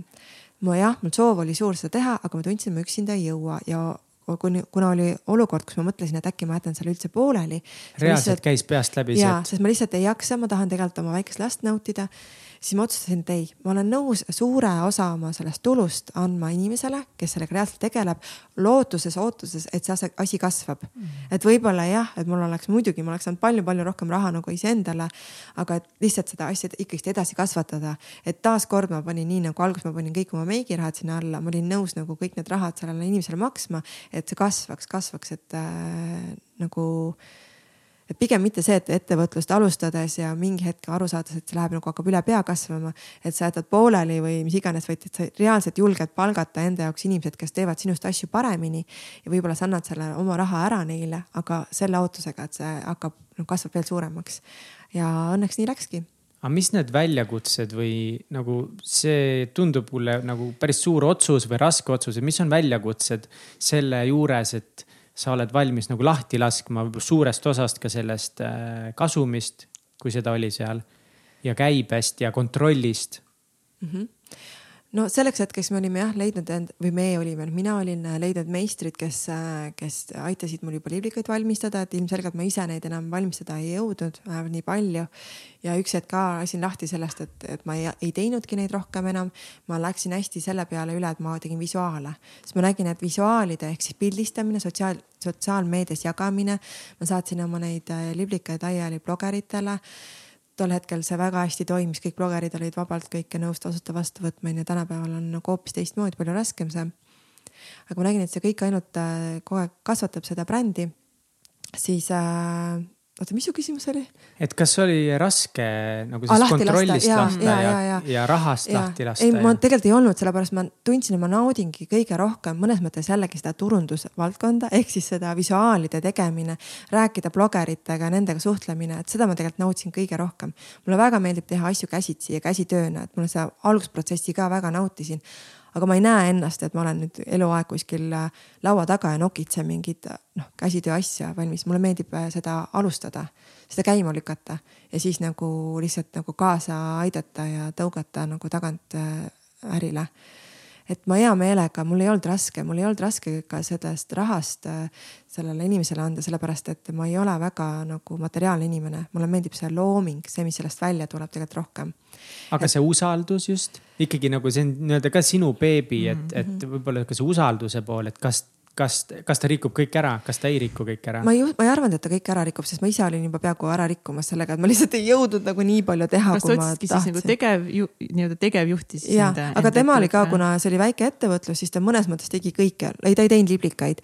meil selle jaoks olid juba inimesed olemas, aga ta tegi ka mõnes mõttes nagu kõike et ma ja, ja siis ma ikkagist juba palkasin raama, raamatupidaja ka endale, raamatupidaja pidaja oli meil olemas, aga ta ka ikkagist väga palju viis neid liblikaid laiali ja noh, tegeles kõigega. kuni me jõudsimegi, kas see oli äkki neli aastat, kui ma ei eksi, sinnamaani, kus ta ütles lihtsalt, et ma ei jaksa rohkem, ma ei jaksa lihtsalt, eks ju, ta tahab oma elu ka elada, et mõnes mõttes oligi nagu liiga suur koormus juba tema. neli aastat. võib-olla isegi, ma ei mäle, ma, ma olen nagu jah, nende arvudega kõik, äkki oli neli aastat, võib-olla vähem ikkagist, kolm aastat. ühesõnaga mingi hetk me saime aru, et, et eraldi veel kaks inimest palkasime tema asemel, tema läks nagu ära kõik sõbralikult. aga neli aastat olid, olid siis eh, sina, tema ja siis need meistrid, kes valmistasid jah? Eh, jah. noh ja raamatupidaja on ju. ja, ja raamatupidaja, umbes niimoodi. ei ole overnight success peab ikka tööd sisse panema. kahekesti teha ikka. ütleme kolm aastat, aga selles ja. mõttes küll, et, et vahepeal, mis vahepeal juhtus, oli see, et äh, ma olin selle inimese palganud ja see toimis hästi. et me siis äh, võtsin kaasasin ka oma venna nagu sellesse ärisse, siis ma nägin, et ärilist, äriline osa vajas ikkagist toetust ja me tegime. mis sa selle ärilise osa all mõtled? no, et kas liikuda edasi Eesti turult näiteks, minna natukene suuremale turule, juba see näiteks. et äh, ja näiteks ka suuremad poed, et, et kui sa saad nendesse kettidesse sisse ja siis ma, kuna mu vend tegeles erinevate startup idega, siis tundus temaga nagu väga tore seda tegevust äh, teha. ja, ja see on tegelikult ka hästi hea otsus, et, et mina saangi tegeleda kunstiga ja tema toetab hästi palju äriliselt meid. et kui mul on mingid küsimused, siis me saame nagu, ma saan kogu aeg nagu temale loota, et noh, kas siis vend või siis äripartner, et. et ma olen nagu hästi selle poolt, et igaüks tegeleb selle asjaga, mida ta reaalselt, reaalselt nagu naudib ja, ja oskab teha seda on. Siin mõned targad ennegi meil podcast'is rääkinud, tuleb ikka keskenduda sellele, mis sulle meeldib ja mitte ei pea nagu punnitama ja suruma neid teisi asju, sest see on see tunne, et see on kuidagi kohustus. aga ikkagi sa enne mainisid, et, et noh, et sa ise peaaegu rikkusid selle ettevõtte ära, et mida see ikkagi nagu tähendab, mida see siis tähendas teile, et sa peaaegu rikkusid ettevõtte ära? aga see ongi see, need on need erinevad asjad, et kui sa ei kirjuta äh, arveid, eks ju, et tegelikult sul endal mõnes mõttes nagu raha üks päev otsas on ju, siis äh, sa teed tooteid, neid hakkab nii palju, nõudlus on nii suur, et sa ei jõua neid võib-olla teha kvaliteetselt. Võib-olla ei jõua seda meilivestlust enam pidada, inimesed või poed ootavad, et too, too, too on ju, aga sa ei too. Need olid kõik asjad, mis siis teil peaks, olid? ja, ja et sa peaks tegelema meistritega, et meistritele nagu kõik materjalid saata, asjad, et noh, lõpuks see nagu kasvas lihtsalt üle pea. ja siis ongi see hetk, kus umbes poed kirjutavad, et me noh, nii suur nõudlus on, et me peame, mul hakkasid tulema siis konkurendid, konkurendid turule nagu, et me umbes, et a la me peame võtma kellegi konkurendi lihtsalt poodi, sest et nõudlus on nii suur, et, et kui sa ei too nagu meile asju poodi on ju no,. ja niimoodi võid sa oma ettevõttega põhimõtteliselt põhja lasta mõnes mõttes, et kui need konkurendid siis tulevad ja nemad saavad turu kätte. no selles mõttes konkurente alguses ma nagu pelgasin või ma olin nagu noh, et ah, jumala närvi ajas tegelikult. aga seal konkurendid olid nagu selles mõttes konkurendid, kes tegid ka lihtsalt nagu mingeid ehteid või nad olid nagu reaalselt, kes tegid nagu põhimõtteliselt nagu samu asju. Nad tegid sina... samu asju, nad tegid nagu samu liblikaid ja, ja oh. et see oli nagu väga valus, sellepärast et ma olin nii palju nagu vaeva näinud selle oma toote välja juurutlemisega ja siis keegi lihtsalt sajab nagu lihtsalt poole pealt sisse ja ütleb umbes, et ah, kuule, et ma teen ka, aga noh tol hetkel äkki mu liblikas oli poes kaheksateist eurot, aga no ma panen kuue euroga selle lihtsalt kuskile müüki, no nii täiesti mm.. mida sa siis tundsid, kus no, seda nägid? no väga halvasti tundsin ennast, et, et niimoodi, niisugune tunne nagu keegi varastaks lihtsalt, et mis mõttes, mina tegin selle. aga siis äh,, siis ma isegi läksin advokaatideni välja, et, et, et, et see on ikkagist nii ainulaadne, mina olen selle teinud, noh noh, loomulikult mulle öeldi, et kuulge, Liblika see motiiv on nagu ennegi olnud, et, et needsamad konkurendid ütlesid, et seda keegi ei saa öelda, et ma nagu kedagi järgi teen, aga nad lihtsalt noh, nii naglalt tegid täpselt sama asja, isegi neid samu liblikaid ja. et noh, liblikaid tegelikult on väga-väga palju maailmas ja ma teen natuke teist liblikat siis juba, mis iganes ja üks hetk ma sain aru, et okei okay,, need advokaadi arved ja, ja kogu see energia, tegelikult mulle üldse ei meeldi mingeid kõnesid teha inimestele ja neid öelda, et ähvardada, et ma ei tea, kui sa nii teed, et, et, et millega see lõpeb, eks ju. aga sa helistasid kellelegi, ütlesid, et lõpeta ära? no advokaadiga koos jah, me helistasime, et siis ma mingi hetk sain aru, et ma ei, ma ei taha sellega tegeleda, ma läksin koju mingi, mul oli, et oh, mul on nagu, vaata loominguline inimene, kui ma pean nii nagu madala energiaga tegelema, siis ma ei saa mm. nagu pärast seda luua mingit, minna joonistada või mis iganes ja, ja siis tegelikult oma, oma äripartneriga ehk siis Rait Ojasaarega, oma vennaga arutades me saime aru, et et need konkurendid võivad ju müüa oma asju, aga kui reaalselt nendel see ka see äri nii suureks kasvaks nagu meie äri, siis nad jääksid noh, nad ei saa enam seda selle kuue euroga iialgi müüa, eks ju, et, et või mis iganes, et nad, neil, neil tekivad samasugused kivid, mida meie oleme juba läbinud, et neil on omakorda vaja mingit meistrit leida nii ja naa, et tegelikult see nende müük ei ole jätkusuutlik. et isegi kui mõni pood võtab need sisse, siis noh, kohe tekib neil seesama olukord, mis meil oli, eks ju, aga me oleme juba nagu palju-palju rohkem ees. et noh, et konkurent on tegelikult hea et see paneb sind rohkem liikuma ja see on selles mõttes ka hea, et, et sa saad aru, et, et sa ei saagi nagu konkureerida selle tootepõhiselt, vaid sa pead brändi looma. et see toode tooteks on ju, selle saab igaüks järgi teha ja kui see läheks suuremale turule ja Hiina teeb sealt järgi, sa oledki juba kaotanud, on ju. Mhm. aga kui sul on see bränd taga, siis on sellel nagu noh, lootust. kuidas sa oskad brändi ehitada? ma arvan läbi selle sama turunduse, et sa läbi nende piltidega sa nagu edastad mingit tunnet et mida sa nagu soovid eh, edasi anda, et minul oli siis sol, tol hetkel see, et see käsitöö inspireeritud loodusest, eks ju. ja, ja lihtsalt see, et, et kui sa kannad sihukest erilist asja, ma tahtsin just nagu selle peale rõhuda, mida ma ise ka nagu arv, arvan siiamaani, et, et, et oleks rohkem unikaalsed, et ajaks nagu oma asja. et ka ehtepidi, et ehte valikul, et see tee, ma ei tea, vali, vali natukene midagi omamoodi et tol hetkel see liblikas bross või see, et see nagu oli Kiki lips liblikas, et seda ma nagu justkui ei olnud kuskil näinud või see tundus kuidagi minu jaoks nii uuenduslik ja nagu äge. no mis sa kõige rohkem õppinud oled ettevõtlusest ja, ja, ja kuma loomisest? no huvitav on see ka, et me ikkagist leidsime, et, et, et kuna Eesti turul läheb nii hästi, et siis kindlasti liigume edasi ka välisturgudele ja me oleme sellega mitu aastat tegelenud äh,, erinevaid toetusi saanud, messidel osalenud, jällegi hullult raha ja energiat sinna alla pannud. ja oled, saad aru, et see, et see äge, armas konnatiik, kus me kõiki konnasid mingit mm. pidi kuskil teame, eks ju, mis mõnel, mõnel hetkel käib nii närvidele. järgmisel hetkel on see lihtsalt nagu nii hea asi, eks ju et äh, seesama süsteem ei ole üldse, see ei toimi Rootsis, eks ju, Inglismaal, äh, mis iganes maailmas, et seda ei ole üldse nii lihtne. Ja et mõnes mõttes tekkiski meil kogu aeg see küsimus, et mis on selle kumadisaini nagu edu, edu võti Eestis, et miks see nii juhtus. et, et, äh, et seda nagu samamoodi dubleerida kuskile mujale riiki ei olegi üldse nii lihtne, et see on küll üks õppetund, et, et äh, müts maha nendele brändidele, kes on jõudnud suuremale turule et teie nagu ei ole veel edukalt kanda kinnitanud kuskil mujal? ei saa öelda, et oleks nagu niisugune edu olnud, mida me oleme oodanud, et me oleme proovinud, jah Lätis läheb nagu suht hästi, aga. ja üks äh, õppetund oli ka see, et ei ole mõtet nagu mitu riiki võtta korraga, eks ju, see on nagu veidžu suur amps, et, et seda iialgi ei, ei jaksaks kanda sest et nii erinevad on need riigid, äh, kuidas miski kuskil nagu tootena toimib, millele, mismoodi sa pead lähenema kliendile. et pigem see, et alusta üks-kaks riiki korraga, et see on nagu tehtav.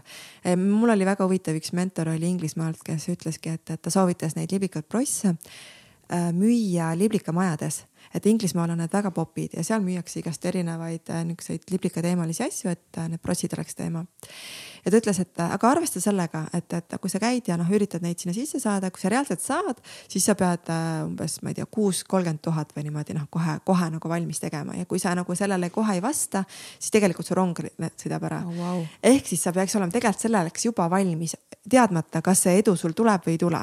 noh. päris suur investeering. no ikka on ja, ja et äh, et, et see on nagu huvitav, väga põnev, ma olen täiega tunnen, et, et ma ei tea, kas ma ülikooli paberit nüüd kätte saan, et ma olen nagu palju endale palganud abilisi. aga ma tunnen, et ma olen mingi protsessi läbi käinud ja hästi põnev, ma väga-väga hindan ja vaatan hoopis teise pilguga kõiki tooteid poes mm. -hmm et ikka palju õpib sellest, et isegi need hetked, kui sa näed seda esimest korda seda konkurenti, võib-olla isegi tõmbab pisara silma, sa tunned, et ta on nagu varastanud sult midagi ja päeva lõpuks on kõik seda väärt olnud. Ja absoluutselt, see ongi. see, et sa tahad sinna turule ja. saada, sa ei saa sinna, sa ei saa sinna, sa ei saa sinna, sa ikka ei saa sinna ikka on äge teha seda kõike. ikka jaa, absoluutselt, sest et äh, ma arvan, et juba see, et mul on nii äge äh, tiim äh, Kuma disainiga koos ja et see on nagu me toetame üksteist ja kogu aeg nagu leiame uusi mõtteid. päike paistab otse silma ja leiame uusi mõtteid, et mida teha, et siis äh, kogu aeg on ja äh, soov on nagu edasi ja parema, paremini ja, ja sedasama, seda Kuma disaini nagu stiili, et see on sihuke naiselik ja, ja loodusest inspireerituna, et meil on nii palju positiivset tagasisidet, et see nagu ka hästi palju kannab ja annab. see on hea jah, ja kõik, kes te ostate endale neid kumadisaini prosse, siis ärge unustage neid endale asjade külge ja siis ärge pange seda pesumasinasse nagu mina alles hiljuti ma ostsin, ostsin selle linnukese, siis kohe esimese jäi mul külge, see läks pesumasinasse. aga sa tead, Katrin, see ongi meie see ärisaladus või et see peab selle pesumasina üle või? et sa ei pea. ostan uue. aga mis läks katki või? no see läks nagu võttis läbi, vaata. Meil on jah see, et, et kõike võib sellega teha, õues võib käia, vihmada kannatab, aga pesumasinat ei kannata. pesumasina kindel ei ole. ma arvan, et äh, tegelikult on päris paljude ehetega see asi, et pesumasinasse ei tasu panna, aga kuna tegemist on prossiga, siis meil hea jumala palju tulevad. on jah? pesin oma prossi ära, ma tahan uut prossi saada, meil on, noh okei okay,, davai, tule siia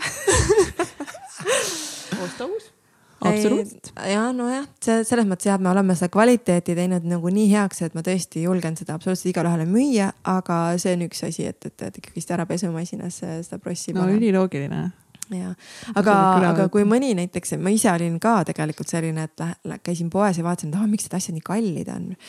et siis äh, see hetk, kui sa teed ise midagi oma kätega reaalselt valmis ja mõtled, et võib-olla ma teeks viis-kuus tükki veel, siis sa saad aru, et see käsitöö, et kuidas seda hinnata oh,. kõik äh. räägivad, Eesti disain on nii kallis. oh, vaat disainipoodi, miks see mm. kuradi särk on nii ja. kallis ja miks see on nii kallis ja.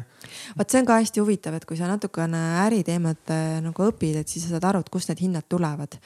et jah, et me, et, et siis sa saad sellesama et siis sa saad analoogse särgi või sama särgi kuskilt äh, ala Etsist osta see on palju soodsam, aga see on sellepärast, et sa ostad otse kunstnikult või otse nagu loomeinimiselt, et, et kõik need poed ja, ja tootmised, asjad vahele, et siis kõik need hinnad nagu tõusevad kõrgemaks. Mm.. et ei ole, ei ole röövimine? ei ole, kunstnik saab ikkagi selle oma raha kätte, et, et äh, ka lihtsalt ka see pood, äh, see, see disainipood maksab äh, inimestele palka ja maksab seda renti ja tegelikult äh, ei ole mm. -hmm aga sina maksad ka inimestele palka ja, ja maksate muid kulusid ja kuidas see inimestega töötamine üldse on, et kas tänasel ettevõttes sa oled pigem see kunstiline juht või sa ikkagi vastutadki inimeste eest, pead inimeste muredega töötama, kannad mingit raskust õlgadel, et need on sinu väike pere, kelle eest sa pead, keda sa pead kaitsma? No selles mõttes äh, võib-olla üks mõte ka, miks ma äh, meigi tegemise mõnes mõttes äh, nagu ära soovisin lõpetada, üks oli see, et ma soov, et mul oleks selline elustiil, et ma saan teha oma tööd ükspuha kus maailma nurgas. aga kuna ma olen natuke sihuke kunstnik, siis tegelikult mulle meeldib üksinda olla. ma olen natuke introvert, noh, et mulle lihtsalt, mulle tõesti meeldib loominguliselt üksinda olla et äh, kui ma disainis äh, stuudios ma tegelikult käin suht vähe, et ma teen hästi palju loominguid niimoodi kodus ja siis me suhtleme kas meili või, või mingil muul, muu äpi kaudu. et, et äh, aeg-ajalt ma käin seal ja tegelikult meil on juhataja Kristel selle jaoks, kes nii-öelda seda pere üleval hoiab ja, ja meid kõik koos hoiab ja, ja et, et, et see on pigem niipidi, et ja mina nagu kunstnikuna olen suht introvert, et, et näiteks ongi need viisteist äh, meistrit, äh, kes mul on, et ma nii palju nendega ei suhtle, sest et ma, see inimestega suhtlemine mind nagu väsitaks või et siis ma tunnen jälle, et ma ei ole seal loominguliselt võib-olla nii, nii nagu võimeline nii palju tegema. et, et ma annan selle töö parem inimesele, kes seda tõesti naudib ja kes seda teeb hea meelega, et ikka, ikka igaüks teeks seda, mis talle endal paremini välja tuleb kas äh, räägime korra ühest, äh, ühest täitsa pekkis momendist või? ja. ja. sihuke saade juba on siis või? et äh, ma, ma ei tea, kui vana sa olid, aga ma tean, et ükskord Tais olles juhtus sul üks õnnetus, kus hea, et sa eluga pääsesid, äkki sa räägid meile, mis, mis, mis seal toimus? Jah, no see on see, et, et võib mõelda, et see on täitsa pekkis olukord või siis, et see on nagu lihtsalt eluolukord ja see on jumala hästi lõppenud olukord, sest tegelikult ma istun siin ja räägin teiega juttu, eks ju, et kuigi ma oleks võinud minna teise maailma, aga ja ma Tais olles äh, kogesin läbi midagi elus, mis. kui ammu see oli äh,? Äh, oligi äkki kaks tuhat neli. okei. kuusteist aastat tagasi. ja, ja ikka päris ammu ma olingi kakskümmend kaks vist või kakskümmend üks jah, hästi noor, noor, enda jaoks nagu noor, ma tundsin, et ma olin siis noor. et nüüd ma praegu tunnen ka, et ma olen noor, aga et ma olin hoopis nagu teistsugune inimene natukene või niisugune uljapäia, plika. et äh, ma olin Tais ja seal oli üks hästi lahe pidu, oli full moon party, mida nad vist siiamaani peavad, ühesõnaga, saare peal ühel äh, imelisel ilusal saare peal toimus see pidu ja täiskuu ajal ja siis muidugi kõik inimesed seal jõid ja ma ei tea, mida, mis ained tegid mina aineid ei teinud, mina lihtsalt, äh, ma arvan, jõin seal paar kokteili. ja kõik oli hästi tore. see oli nii kihvt, seal joonistati mingeid kehamaalinguid ja noh, ülilahe. aga noh, nagu ikka äh, Aasias on see komme, et ühesõnaga kõik järsku rahvas tahtis umbes nelja-viie ajal, kui see pidu noh, käib mingisugune vaata nõks üle ja siis kõik tahavad koju saada ja see on saar ja, ja hakati, need kaatrid käisid edasi-tagasi selle nii-öelda mandri vahelt ja selle saare vahelt. see ei olnud pikk maa, ma arvan, et see oli mingisugune viisteist, kakskümmend mintsa sõitu. ja, ja siis lubatud oli kakskümmend inimest kaatri peale, siis pandi nelikümmend peale ja läks. noh, pärast me saime teada, et kakskümmend inimest sellepärast, et kakskümmend seda päästevesti oli nagu tegelikult keegi päästevesti muidugi peale selga ei pannud lihtsalt. ja noh, öösel, eks ju, et Tais on öösel, Taimaal on öösel ikka täiesti pime, et meie praegu vaatame, et noh, öösel on valge, siis seal on täiesti kottpime ja siis äh, ja oligi niimoodi, et, et seal tekkis see järjekord, hästi pikk järjekord, kõik on, et tahaks juba koju, tahaks koju, tahaks saare pealt ära saada. ja mäletan, meie punt oli niimoodi, et, et tuli see kaater ette ja ma kuidagi noh, järjekord oli seal, läksin nagu esimesena ja mõtlesin, et kas ma lähen sinna kaatri ninasse, sinna alla nagu. seal on kindlasti mingi muu väljend, aga noh, sinna alla nagu ninasse või siis istun ikka noh teki peale õue, noh välja diivani peale, et see ei olnud suur kaater. ja ikkagist läksin, istusin sinna äh, välja ja pakiti kogu see kaater paksult täis niimoodi, et sinna ninna läks palju inimesi, kõik need äh, toolid istuti, istuti täis ja siis kogu see keskiosa ka veel inimesed seisid püsti ja hoidsid seal kinni ja hullult kihutas see kaater, no niimoodi kihutas, mul ei olnud nagu vahet, me tegime, hüppasime, hüppasime, hüppasime seal.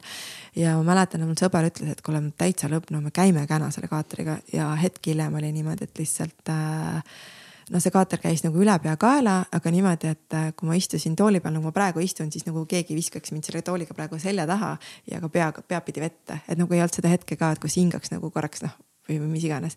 ja kogu see rahvamass, kes seal keskel seisis, lendas nagu mulle omakorda peale või noh, kõigile, kes seal istusid.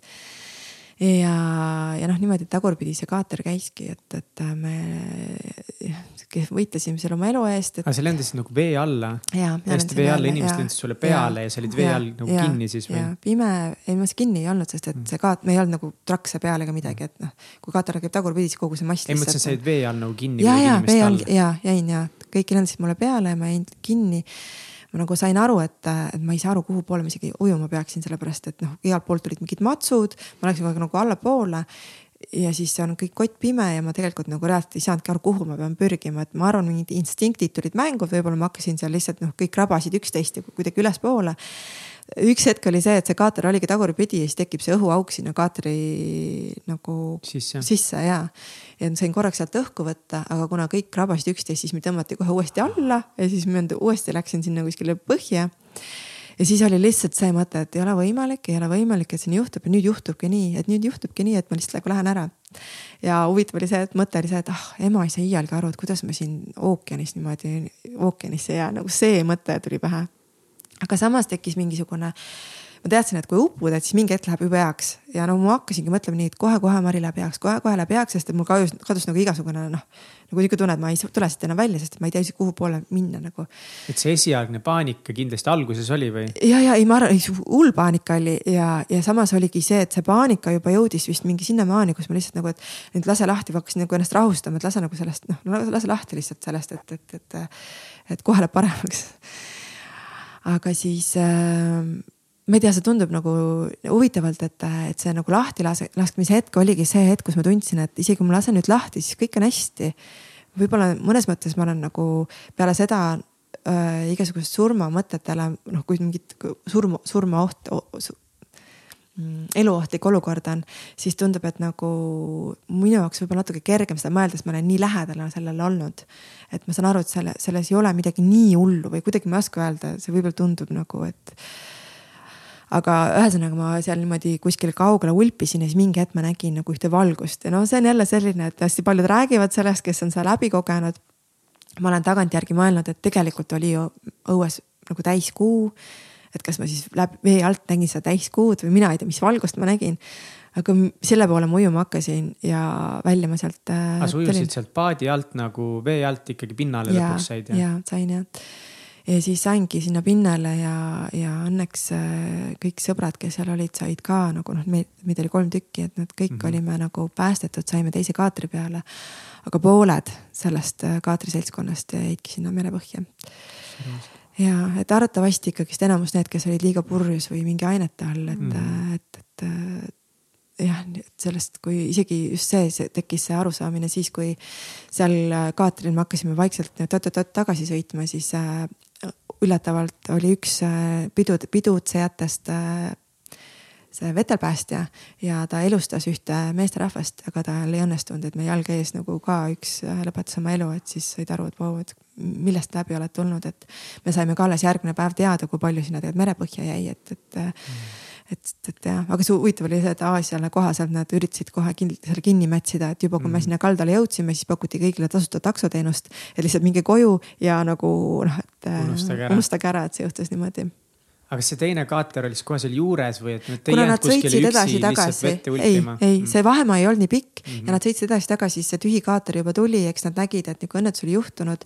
et see, kes tuli, oli tühi kogu aeg mm -hmm. teistele yeah. järgi inimestele. ja siis jah, jah, aga nüüd siis selle peale seda ongi nagu mingisugune hull värin ja noh, must auk nagu natuke, natukene, et, et lihtsalt tänulikkus selle elu üle ja üldsegi siis kuidagi hakkasin mõtlema, et mida ma ikka siin elus teha tahan. mitte niisama lihtsalt pidutseda ja, ja lulli lüüa, et, et ka tähtsamaid asju, näiteks nagu lapsi. Siis taht-, siis mõtlesid, et kindlalt tahad lapsi? jaa, kindlasti. Mõtlesin küll, et ma tahan kindlasti ühte poega vähemalt saada, sain kaks. Aga rääkides äh, lastest ja suhtest, siis äh, mis asi on sügav suhe? See on hingesuhe, see on minu meelest see on see suhe, kui äh, füüsiline maailm põhimõtteliselt ära kaob. et sa oled nagu tõesti hinge, hingeliselt nii seotud, et et see kõik, mis füüsiline on see, kas sul on auto peres või et kas sul on maja või et nii nagu me Esperiga oleme käinud, et meil ei ole nagu mitte midagi olnud, et me oleme lihtsalt teineteist nii armastanud, et meil on see hinge, hingeline klapp on nii hea olnud. ja noh, ma arvan, tänu sellele tuleb ka kõik lisaks juurde, et see, et see, et, tulevad lapsed ja, ja pere, et see muudab seda suhet aina sügavamaks, loomulikult mõnes mõttes ka habramaks, sest et sul ei ole nagu seda oma aega enam nagu partneriga üldsegi mitte nii palju, et seal ongi see koht, kus sa pead kogu aeg nagu endale meelde tuletama, et, et see, selle, selle pere alus on see, et mees ja naine, eks ju, et kui nad, aga lapsed tahavad nii palju tähelepanu saada, et, et see on jah aga kas sügav suhe nagu juhtub õige inimesega, et selle, et see on nagu, kas sügav suhe on mingi asi, mille jaoks sa peadki nagu leidma selle nagu väga õige või, või sügav suhe on asi, mis juhtub nagu kahe inimesega, kes sobivad, aga kes teadlikult siis on valmis hullult suhtega vaeva nägema või kuidas, kuidas sa saad sügavat suhet? ma arvan, sügav suhe saab äh, siis toimima, kui sul on väga hea suhe iseendaga. et sa oled nagu valmis selleks, et sa tõesti arened, et kas arened koos selle inimesega või et, et sa oled nagu teadlik selles, et sa võid ju sellest inimesest lahti lasta ja võib-olla mõne, mõnikord peabki. aga et sa oled või, võid sellest inimesest lahti lasta, sa tuled ja saad järgmise inimesega kokku ja sul tulevad samad situatsioonid, samad probleemid hakkavad korduma. ja siis saad aru, et okei okay,, tegelikult on tegemist minuga, et see suhe minu iseendaga, et see, kuidas ma asjadele reageerin või mida ma oma ellu tõmban, et, et see on nagu pigem sealtpoolt äh, seotud et muidugi, kui üks hetk eespool ütleb või minu elukaaslane ütleb, et ma ei soovi sinuga enam koos olla, siis äh, kas ma olen nagu suhtes nii-öelda siis läbi põrunud, võib-olla mitte, sest et ma olen ikkagist suhe, suhe iseendaga on see sügav suhe. et kuidas sa ise nagu sellesse suhtud siis või, või et kas sa sellest kasvad või et, et, et just see, et, et nagu, et, et kui midagi nagu ei toimi, et ma viskan selle nagu jätan selle pooleli või lükkan selle eemale ja alustan uut suhet et võib-olla mitte seda nagu nii lihtsalt võtta, samamoodi, et kui sul läheb mingi, ma ei tea, kingapaar katki, et sa kohe uut ei lähe ostma, vaid sa üritad selle ära parandada. kui sa oled ostnud nii hea kingapaari kingsepa käest või mingi käsitöö kingapaari, siis üldjuhul seda ei, ei viskagi ära. ja noh, samamoodi on ju, et kui sa oled inimesega koos ja te olete nii palju asju läbi käinud ja, ja koos teinud, et, et see ei olegi see koht, kus lihtsalt, et ah tõstame käed üles ja viskame selle nagu nurka kuskile, et, et sa üritad nagu ikkagist äh, kasvada koos ja läbi minna asjadest kuidas sa tead seda? ega ma ei teagi seda, ma lihtsalt iga päev ise ka õpin, et ma olen olnud. kuidas sa õpid seda siis pigem? no õpingi niimoodi läbi situatsioonide, läbi, ma näen, et ka minu elus mingid asjad korduvad uuesti ja uuesti nüüd on ja siis ongi see koht, et, et et kas ma nagu ikka jahun umbes samamoodi seda asja edasi, üritan lahendada või ma leian hoopis teistsuguse lahenduse asjale. kas ma võtan äkki mingeid raamatuid ja hakkan neid äh, lugema, et saada nagu teistsugust äh, lähenemist, sest et ma näen noh, et see vana viis ei toimi, sellel ei ole mitte mingit tulemit, ainult kogu aeg sama asi kordub, järelikult ma peaks midagi muud moodi tegema. et, et see eneseareng, eneseareng on minu arust ka hästi oluline ja noh, paarilisega koos areneda. üks ei saa enesearenguga tegeleda, kui teine nagu ei taha koos areneda. aga saab, saab inspireerida okay.. sest ma nagu lapsi ka vaata, ega lapsi õpetada ei saa, saab inspireerida. sa kogu aeg tegeled enesearenguga, et sa ei saa lastele öelda, et umbes tee ka nii inspireerid neid ja siis nad tavaliselt teevadki. huvitav, et sa mõtled nii, sest äh, asjad juhtuvad ühtemoodi kõikidega ja, ja need äh, väga head kingsepa kingad äh, kuluvad ja lähevad katki kõigil ühtemoodi. aga et siis üks nagu mõtleb, et see oli sitt king ja teine mõtleb, et et äh, kuidas ma saan ise nagu parem siis olla, kuidas ma saan ise areneda, kuidas me saame koos kommunikeerides, äh, arenedes, kommunikatsioon ilmselt on väga tugev osa sellel ühisel koos arenemisel siis. miks sa mõtled nii, miks sa ei mõtle, et sitt king on? Kusjuures ma tõesti, tõesti ei mõtle, et siit king on, sellepärast et äh, seda on olnud minu elus ka korduvalt, kus kingad lähevadki läbi. ja siis äh, Aldo Järvsoo vist ütles kunagi väga huvitavalt, et selleks, et su jalanõud nagu vastu peaksid, eks ju, et siis ära käi iga päev nendega. vaid äh, osta endale natuke noh, nagu a la kolm-neli paari ja siis vaheta neid noh, iga kolmandal mm. päeval alles. I like this okei, et kolm-neli paari peab ikka korraga olema. jaa, aga see on nagu palju jätkusuutlikum, vaata siis sa saad käia võib-olla niimoodi, eks ju, mitu-mitu aastat. kui see, et sa ostad ühe paari või kaks paari ja siis trotsid neid ja siis kirud seda mingit kingsepat, kuule kuule, ma käisin sellega läbi porilombi asjad ja ei pea vastu. kuidas see siis nagu ikkagi suhtesse nüüd, sest ma nüüd loen siit välja, et nagu neli naist peaks korraga olema äh,. no, aga võib-olla see on hoopis see, et, et sa ei pea iga päev oma paarilisega koos olema, et sa võtad aega ka iseendale, oma mm. sõpradele mm. -hmm. et sa nagu ei ole liiga palju kogu aeg ühe inimese nagu energias. et sa nagu julged näiteks minul oli Jesperiga väga raske see, et kui ta hakkas tegema baalile neid äh, reise, siis mina jäin äh, tol hetkel nagu Aaroniga, väikse lapsega koju, ta oli vist üheksakuune.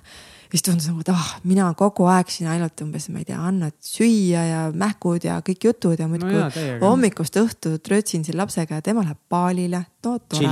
Ja väga tore ja tšillima täpselt.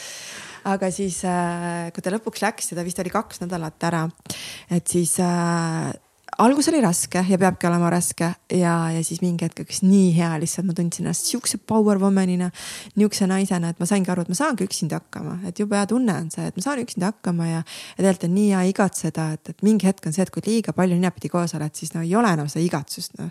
natuke käib, hakkab iga asi närvidele käima lihtsalt. igatsus on nagu hea. see on väga hea, see on ülihea asi äh, suhtes, et äh, muidugi ma ei poolda, selles mõttes ma, ma arvan, väga raske oleks a la kuus kuud ja kuus kuud mingit kaugsuhet pidada.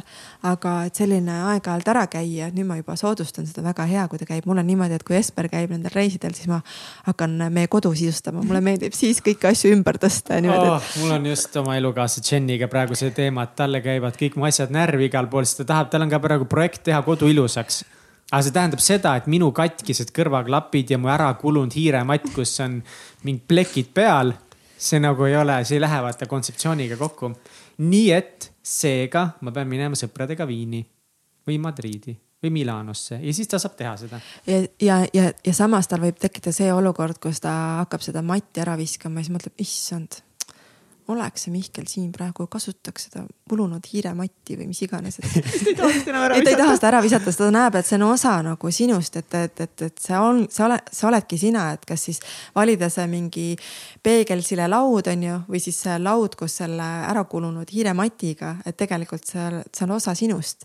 et meil on ka Jesperiga palju asju olnud niimoodi, et mulle käib närvidele, et peeglidel on mingid, mingid hambapastaplekid peale ja talle ei meeldi see, et ma kõik teetassid jätan poolikult niimoodi kuskile selle, selle. Classic Jenny, kogu ja. aeg on teetassid. no see on igaks juhuks, ma tahan äkki ühe lunksu veel võtta. täpselt. seda juttu ma olen kuulnud aga et see on see koht, kus, et ja tõesti, ma vaatasin, et oh, ma baalil olles nagu nii nautisin seda puhast peeglit ja siis mingi hetk sain aru, et, et, et noh, kuule come on, see on see peegel lihtsalt, et teed pilti sellest poolikast teetassist sai. tahtsid enne, ennast ja Mariga, Mariga tegid lihtsalt selfie praegu, okei okay,, pole hullu, aga e, juba siin aeg hakkab vaikselt otsa saama. aga mis on sul praegu need suurimad väljakutsed elus üldse? no kõige suurem väljakutse on see väljakutse, ma arvan, millega me enamus kõik tegeleme. mida Mihkel ka nagu lõpus välja tõi, ongi see, et, et hoida oma eluarmastust või nagu seda suhet. et äh, lihtsalt see, mida mina rääkisin, on praegu see koht, kuhu ma olen endaga jõudnud, aga tegelikult see on igapäevane nii-öelda nagu mõnes mõttes nagu töö, kuigi paljud ütlevad, et oi, suhe ei saa töö olla, aga ikkagist ma ütlen, et see on niisugune teadlik nagu tegutsemine, et. et ma, kui ma laseks ennast täitsa nagu noh, nii-öelda lõdvaks on ju, siis, siis see suhe, ma arvan, ei toimikski niimoodi, et ma peangi leidma selle aja laste kõrvalt, et olla nagu naine, et olla, et olla Esperiga koos, olla suhtes, et ei jääks liiga palju emaks ja isaks või siis õeks ja vennaks, nagu me vahepeal naerame, et me justkui oleme. et äh, mis on noh, loomulik naer peab olema et, et ja, ja teadvustada seda, et, et äh, see on okei okay., on nagu halvad päevad ja on head päevad, et seda on mulle Jesper õpetanud, et oma läbi oma raamatute. et suhe on ka nagu laine, et, et on, on väga head päevad ja siis sa mõtled, vau, et, et nii äge on koos olla. ja siis on need päevad, kus on nagu nii, nii pekkis kõik, kui vähegi saab olla ja siis mõtled nagu, mis, mis suhe see siis nüüd on.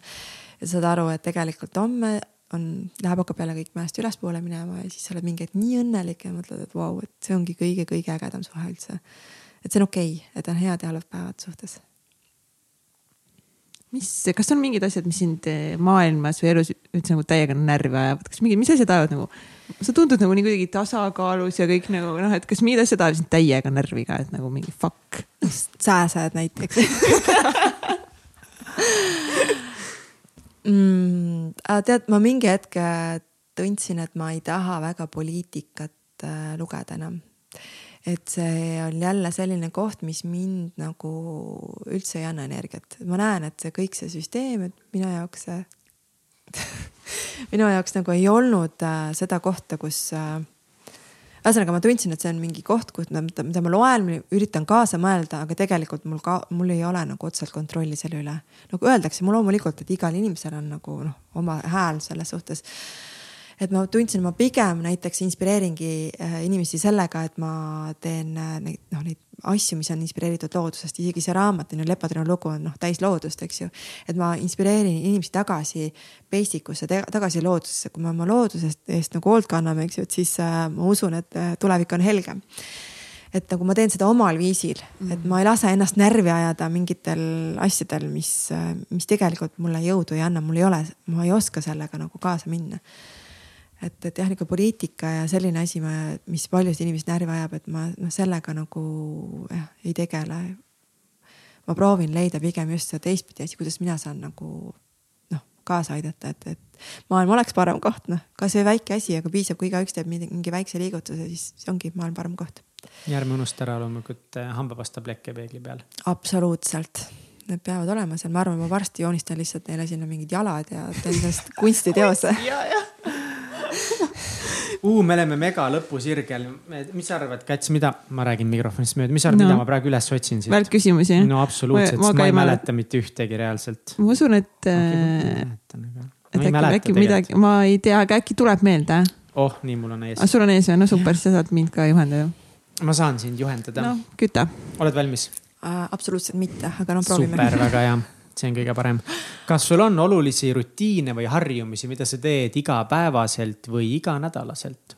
Öeldakse niimoodi, et kui sa tahad midagi päriselt päevas ära teha, siis tee seda hommikul esimese asjana, sest pärast seda hakkab tulema ülejäänud elu sulle sinna vahele ja see võimalus, et seda asja päriselt ära teed, kogu aeg nagu väheneb see potentsiaal, protsent nii-öelda et võimalusel ma kasutan oma hommikut ära võimalikult efektiivselt ma kas hakkan kohe joonistama, teen joogat, äh, ma ei tea, toitun hommikul kohe juba äh, tervislikult, see annab mulle nagu stardi, et minna oma päevaga edasi või kui ma siis pärast söön, ma ei tea, mingit kräppi, ma tean, et hommikusöök, ma olen vähemalt ühe sammu juba astunud selles suunas, et nagu kõik on hästi.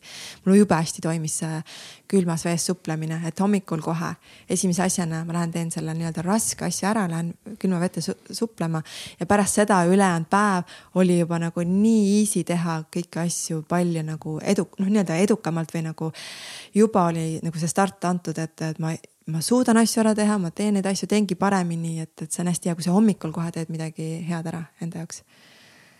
milles sa väga hea ei ole? rääkimisest eh, mille üle sa oled kõige uhkem oma elus? oma pere, oma lapsed. noh, pere, ma mõtlen nagu oma mees, oma, oma lapsed ja, jah, pere, kindlasti pere mis on kõige pöörasem asi, mis sa elus teinud oled ja kas sa teeksid seda uuesti? appi, ma tundub praegu nii igavane. oota, mida ma olen pöörast teinud? no sa oled raudselt pööraseid asju teinud. kindlasti olen. muidugi oled ma kindlasti tegin neid asju enne lapsi, vaata, kui saad lapsed kätte, siis mõtled, et ha-ha-ha, et see ei ole nagu see koht, kus jätta väiksed lapsed ilma emata, et ma hakkan mingeid pööraseid asju tegema oh my god, no ma ei teagi. ma ei teagi. benchihüpet ma ei teinud, Jesper tegi selle ära, hästi mm -hmm. hullu benchihüppe ja mina ei teinud, ma tundsin lihtsalt, et äh, tundsingi, et ei, mina ei taha füüsiliselt midagi nii, nii, nii nagu mis tõrgub nii vastu, vaata. midagi ebamugav. ja, ja, ja, et, et. aga sa olid nagu juba nöörid küljes või juba ei, lihtsalt ütlesid, et ei lähegi? ma tundsin, et mina seda ei tee, et kui keha, kõik keha nagu iga rakk ütleb, et ära mm. tee, et hull oled. et siis ma ei tee seda ja et Jesperile müts maha, et aga ma, mis ma pöörast kindlasti tahaks teha, on langevarju hüpata. või mingit moodi nagu lennelda. või taisaineid teha oi, need tais, mis mõttes? noh, nagu, et see pidu, kus kõik tegid aineid ja sina ainult jõid. ei, ei, ei, ma ei läheks tagasi sinna. ja see pöörane oli kindlasti see kaatrisõit, aga see ei olnud mu oma, omal valikul. ja. mis on edu võti? Äh, järjepidevus ja alustamine, esiteks alustamine ja siis järjepidevus no nii, Kats. tean küll ähm,. see ühest või? ja, ja, ja, ja, ja. ei. sa ikka alati. ma olen tugev, ma olen tugev. skaalal ühest kümneni, kui veider sa oled äh,? kümme on nagu kõige veidram või? kõige veidram inimene terves maailmas. väga veider jah. ei, aga selles mõttes, et ma tõesti ei. luban endast väga veider olla, et see on jumala okei okay olla veider ja oma kiiksudega, et see ongi nii äge minu meelest, et, et mõnes mõttes nagu see võib-olla see hakkab minust mööda minema, aga mingi hetk nagu kõik mass liikus nagu ühes suunas, et me oleme kõik võimalikult ühte, ühesugused oleks ühtemoodi, et äh, ei, ei taha mm, -mm, et oleks nagu võimalikult palju erinevaid ja, ja erilisi inimesi, et see on jumala äge. nõus. eh, nagu noh, põhimõtteliselt meil on nüüd välkküsimused läbi mm. -hmm. aga kas meil on nagu ma siin silmadega praegu, miks sa ei loe mu mõtteid, loed mu mõtteid jah? aa, no siis ei ole rohkem välkküsimusi, kõik hästi, see on kõik super. kuule äh,, Mari, sa oled püss ja sa oled lahe, nii et thumbs up, pöidlad püsti ja väga äge oli teiega siin rääkida, see on nii äge, kui äh, äh räägid selliseid vestlusi, siis tegelikult ise ka õpid. et neid asju, mida teed ise läbi, siis ise õpid, et kõik need projektid, mida mina olen teinud ka, on peamiselt sellepärast, et midagi õppida, et, et äh, see raamatu kirjutamine, nende lindude joonistamine, eks ju, et, et ise õppida kogu aeg, et ma ei tea, ma olen niisugune eluaegne õpilane vist. minu meelest see hoiabki inimesed noorena, et kui nad eluaeg nagu vist või noh, kogu aeg on soov midagi uut õppida nüüd on sul vaja viie minuti pärast minna lastele järgi, jah? jaa, minu ema-isa hoiavad praegu Aaronit ja Toori ja, ja juba ootavad, et ma läheks neile järgi. aga siis eh, jutustatud ja maalitud on Mari Ojasaar Lepatriinu lugu, et seda raamatut siis ma saan aru, see on juba poodides täitsa saadaval või? jaa, see on raamatupoodides ja õnneks minu suureks rõõmuks on juba hitt-ooteks saanud, et see on igal pool edetabelites, et mul on täiega happy aitäh, aitäh nendele, kes on nagu ostnud ja, ja toetanud mind, et äh, sihukene habras olek on olnud ja nüüd tuleb sihuke julgus, et mul juba, juba tegelikult oli täna täiesti reaalselt see võimalus, et äkki ma hakkan uut äh, raamatut vaikselt pusima. Meesperiga siin räägime, arutame nii lahe, aga kus meie kuulajad veel sinu tegemistel saavad silma peal hoida? no kõige rohkem olen aktiivne ma Instagramis, ma teen story sid, äh, seda ka tänu sellele, et inimesed kogu aeg kirjutavad, et ma ikka teeks, et see nagu inspireerib neid. ja see inspireerib mind edasi tegema, et ma ise olen väga tänulik nendele kontodele, keda mina jälgin ja kes mind inspireerivad ja nii tore, kui mina saan ka kedagi inspireerida, et. Äh, see on raske töö, story'de tegemine, nalja teete, ma proovisin natukest aega Mari no, peab jumala hullu täiega lahe. sellega on niimoodi, et, et nii nagu, et oh, joonistamine on nii raske. üks asi, mis ma avastasin ka, et kui sa iga päev aasta otsa joonistad, siis sul tundub see joonistamine tegelikult suht kerge juba mm.. et ma olen ka neid story sid teinud nüüd mingi kolm-neli kuud ja nüüd tundub nagu väga lihtne juba. alguses ma küll pusisin ja pusisin ja pusisin ja kustutasin ja tegin vigu ja kõik asjad, et, et anna aega jah, ja kuidas, kuidas sul Maril jätkub aega veel story sid Instagrami teha terve päev otsa nagu? aga vot see oli ka üks asi, et, et äh, ma tegin äh, seda lasteraamatut ja ma tegin story sid ja kuna inimesed elasid nii kaasa, siis mul tõesti ja, nagu on jaksu neid story sid mm -hmm. teha ja on jaksu seda veel, seda järgmist pilti teha, sest et inimesed on lihtsalt nii nagu sõbralikud ja, ja toetavad, et et äh, see on nii lahe lihtsalt. see on täiega tore, kui inimesed kirjutavad meile ka nagu häid sõnu ja et nagu kirjutage ja toetage kasvõi nagu öelge hästi hea töö ja mingi keep going ja et noh, vahepeal ongi siit päev siis nii hea lugeda neid. Et, et see hetk on võetud eh, oma päevast ja on kirjutatud, et ma olen väga-väga tänulik selle üle. ja see on täiega lahe. Mari, aitäh. aitäh su aja eest. et sa tulid meie saatesse. aitäh, et sa inspireerid ja teed seda, mida sa teed ja vähemalt mind inspireerid kõige rohkem olemagi looduses ja kuidagi nagu iseendaga kontaktis ja selline nagu naturaalsus ja sihuke nagu. ja alati, kui sinu story'st vahel sihuke nagu mingi rahu tuleb peale või sihuke nagu ma ei oska seletada seda sihuke nagu noh.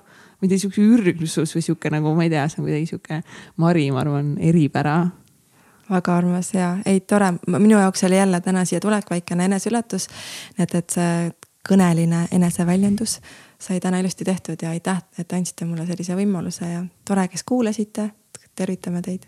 ja täiega, minge follow ge Marit Instagramis ja meid Instagramis ja igal pool ja. kõik jutud. kõik kirjutage ja. kõik jutud. tehke kõik, kõik jutud tehke kohe ära. mõnusat suve. tšau. tšau, tšau.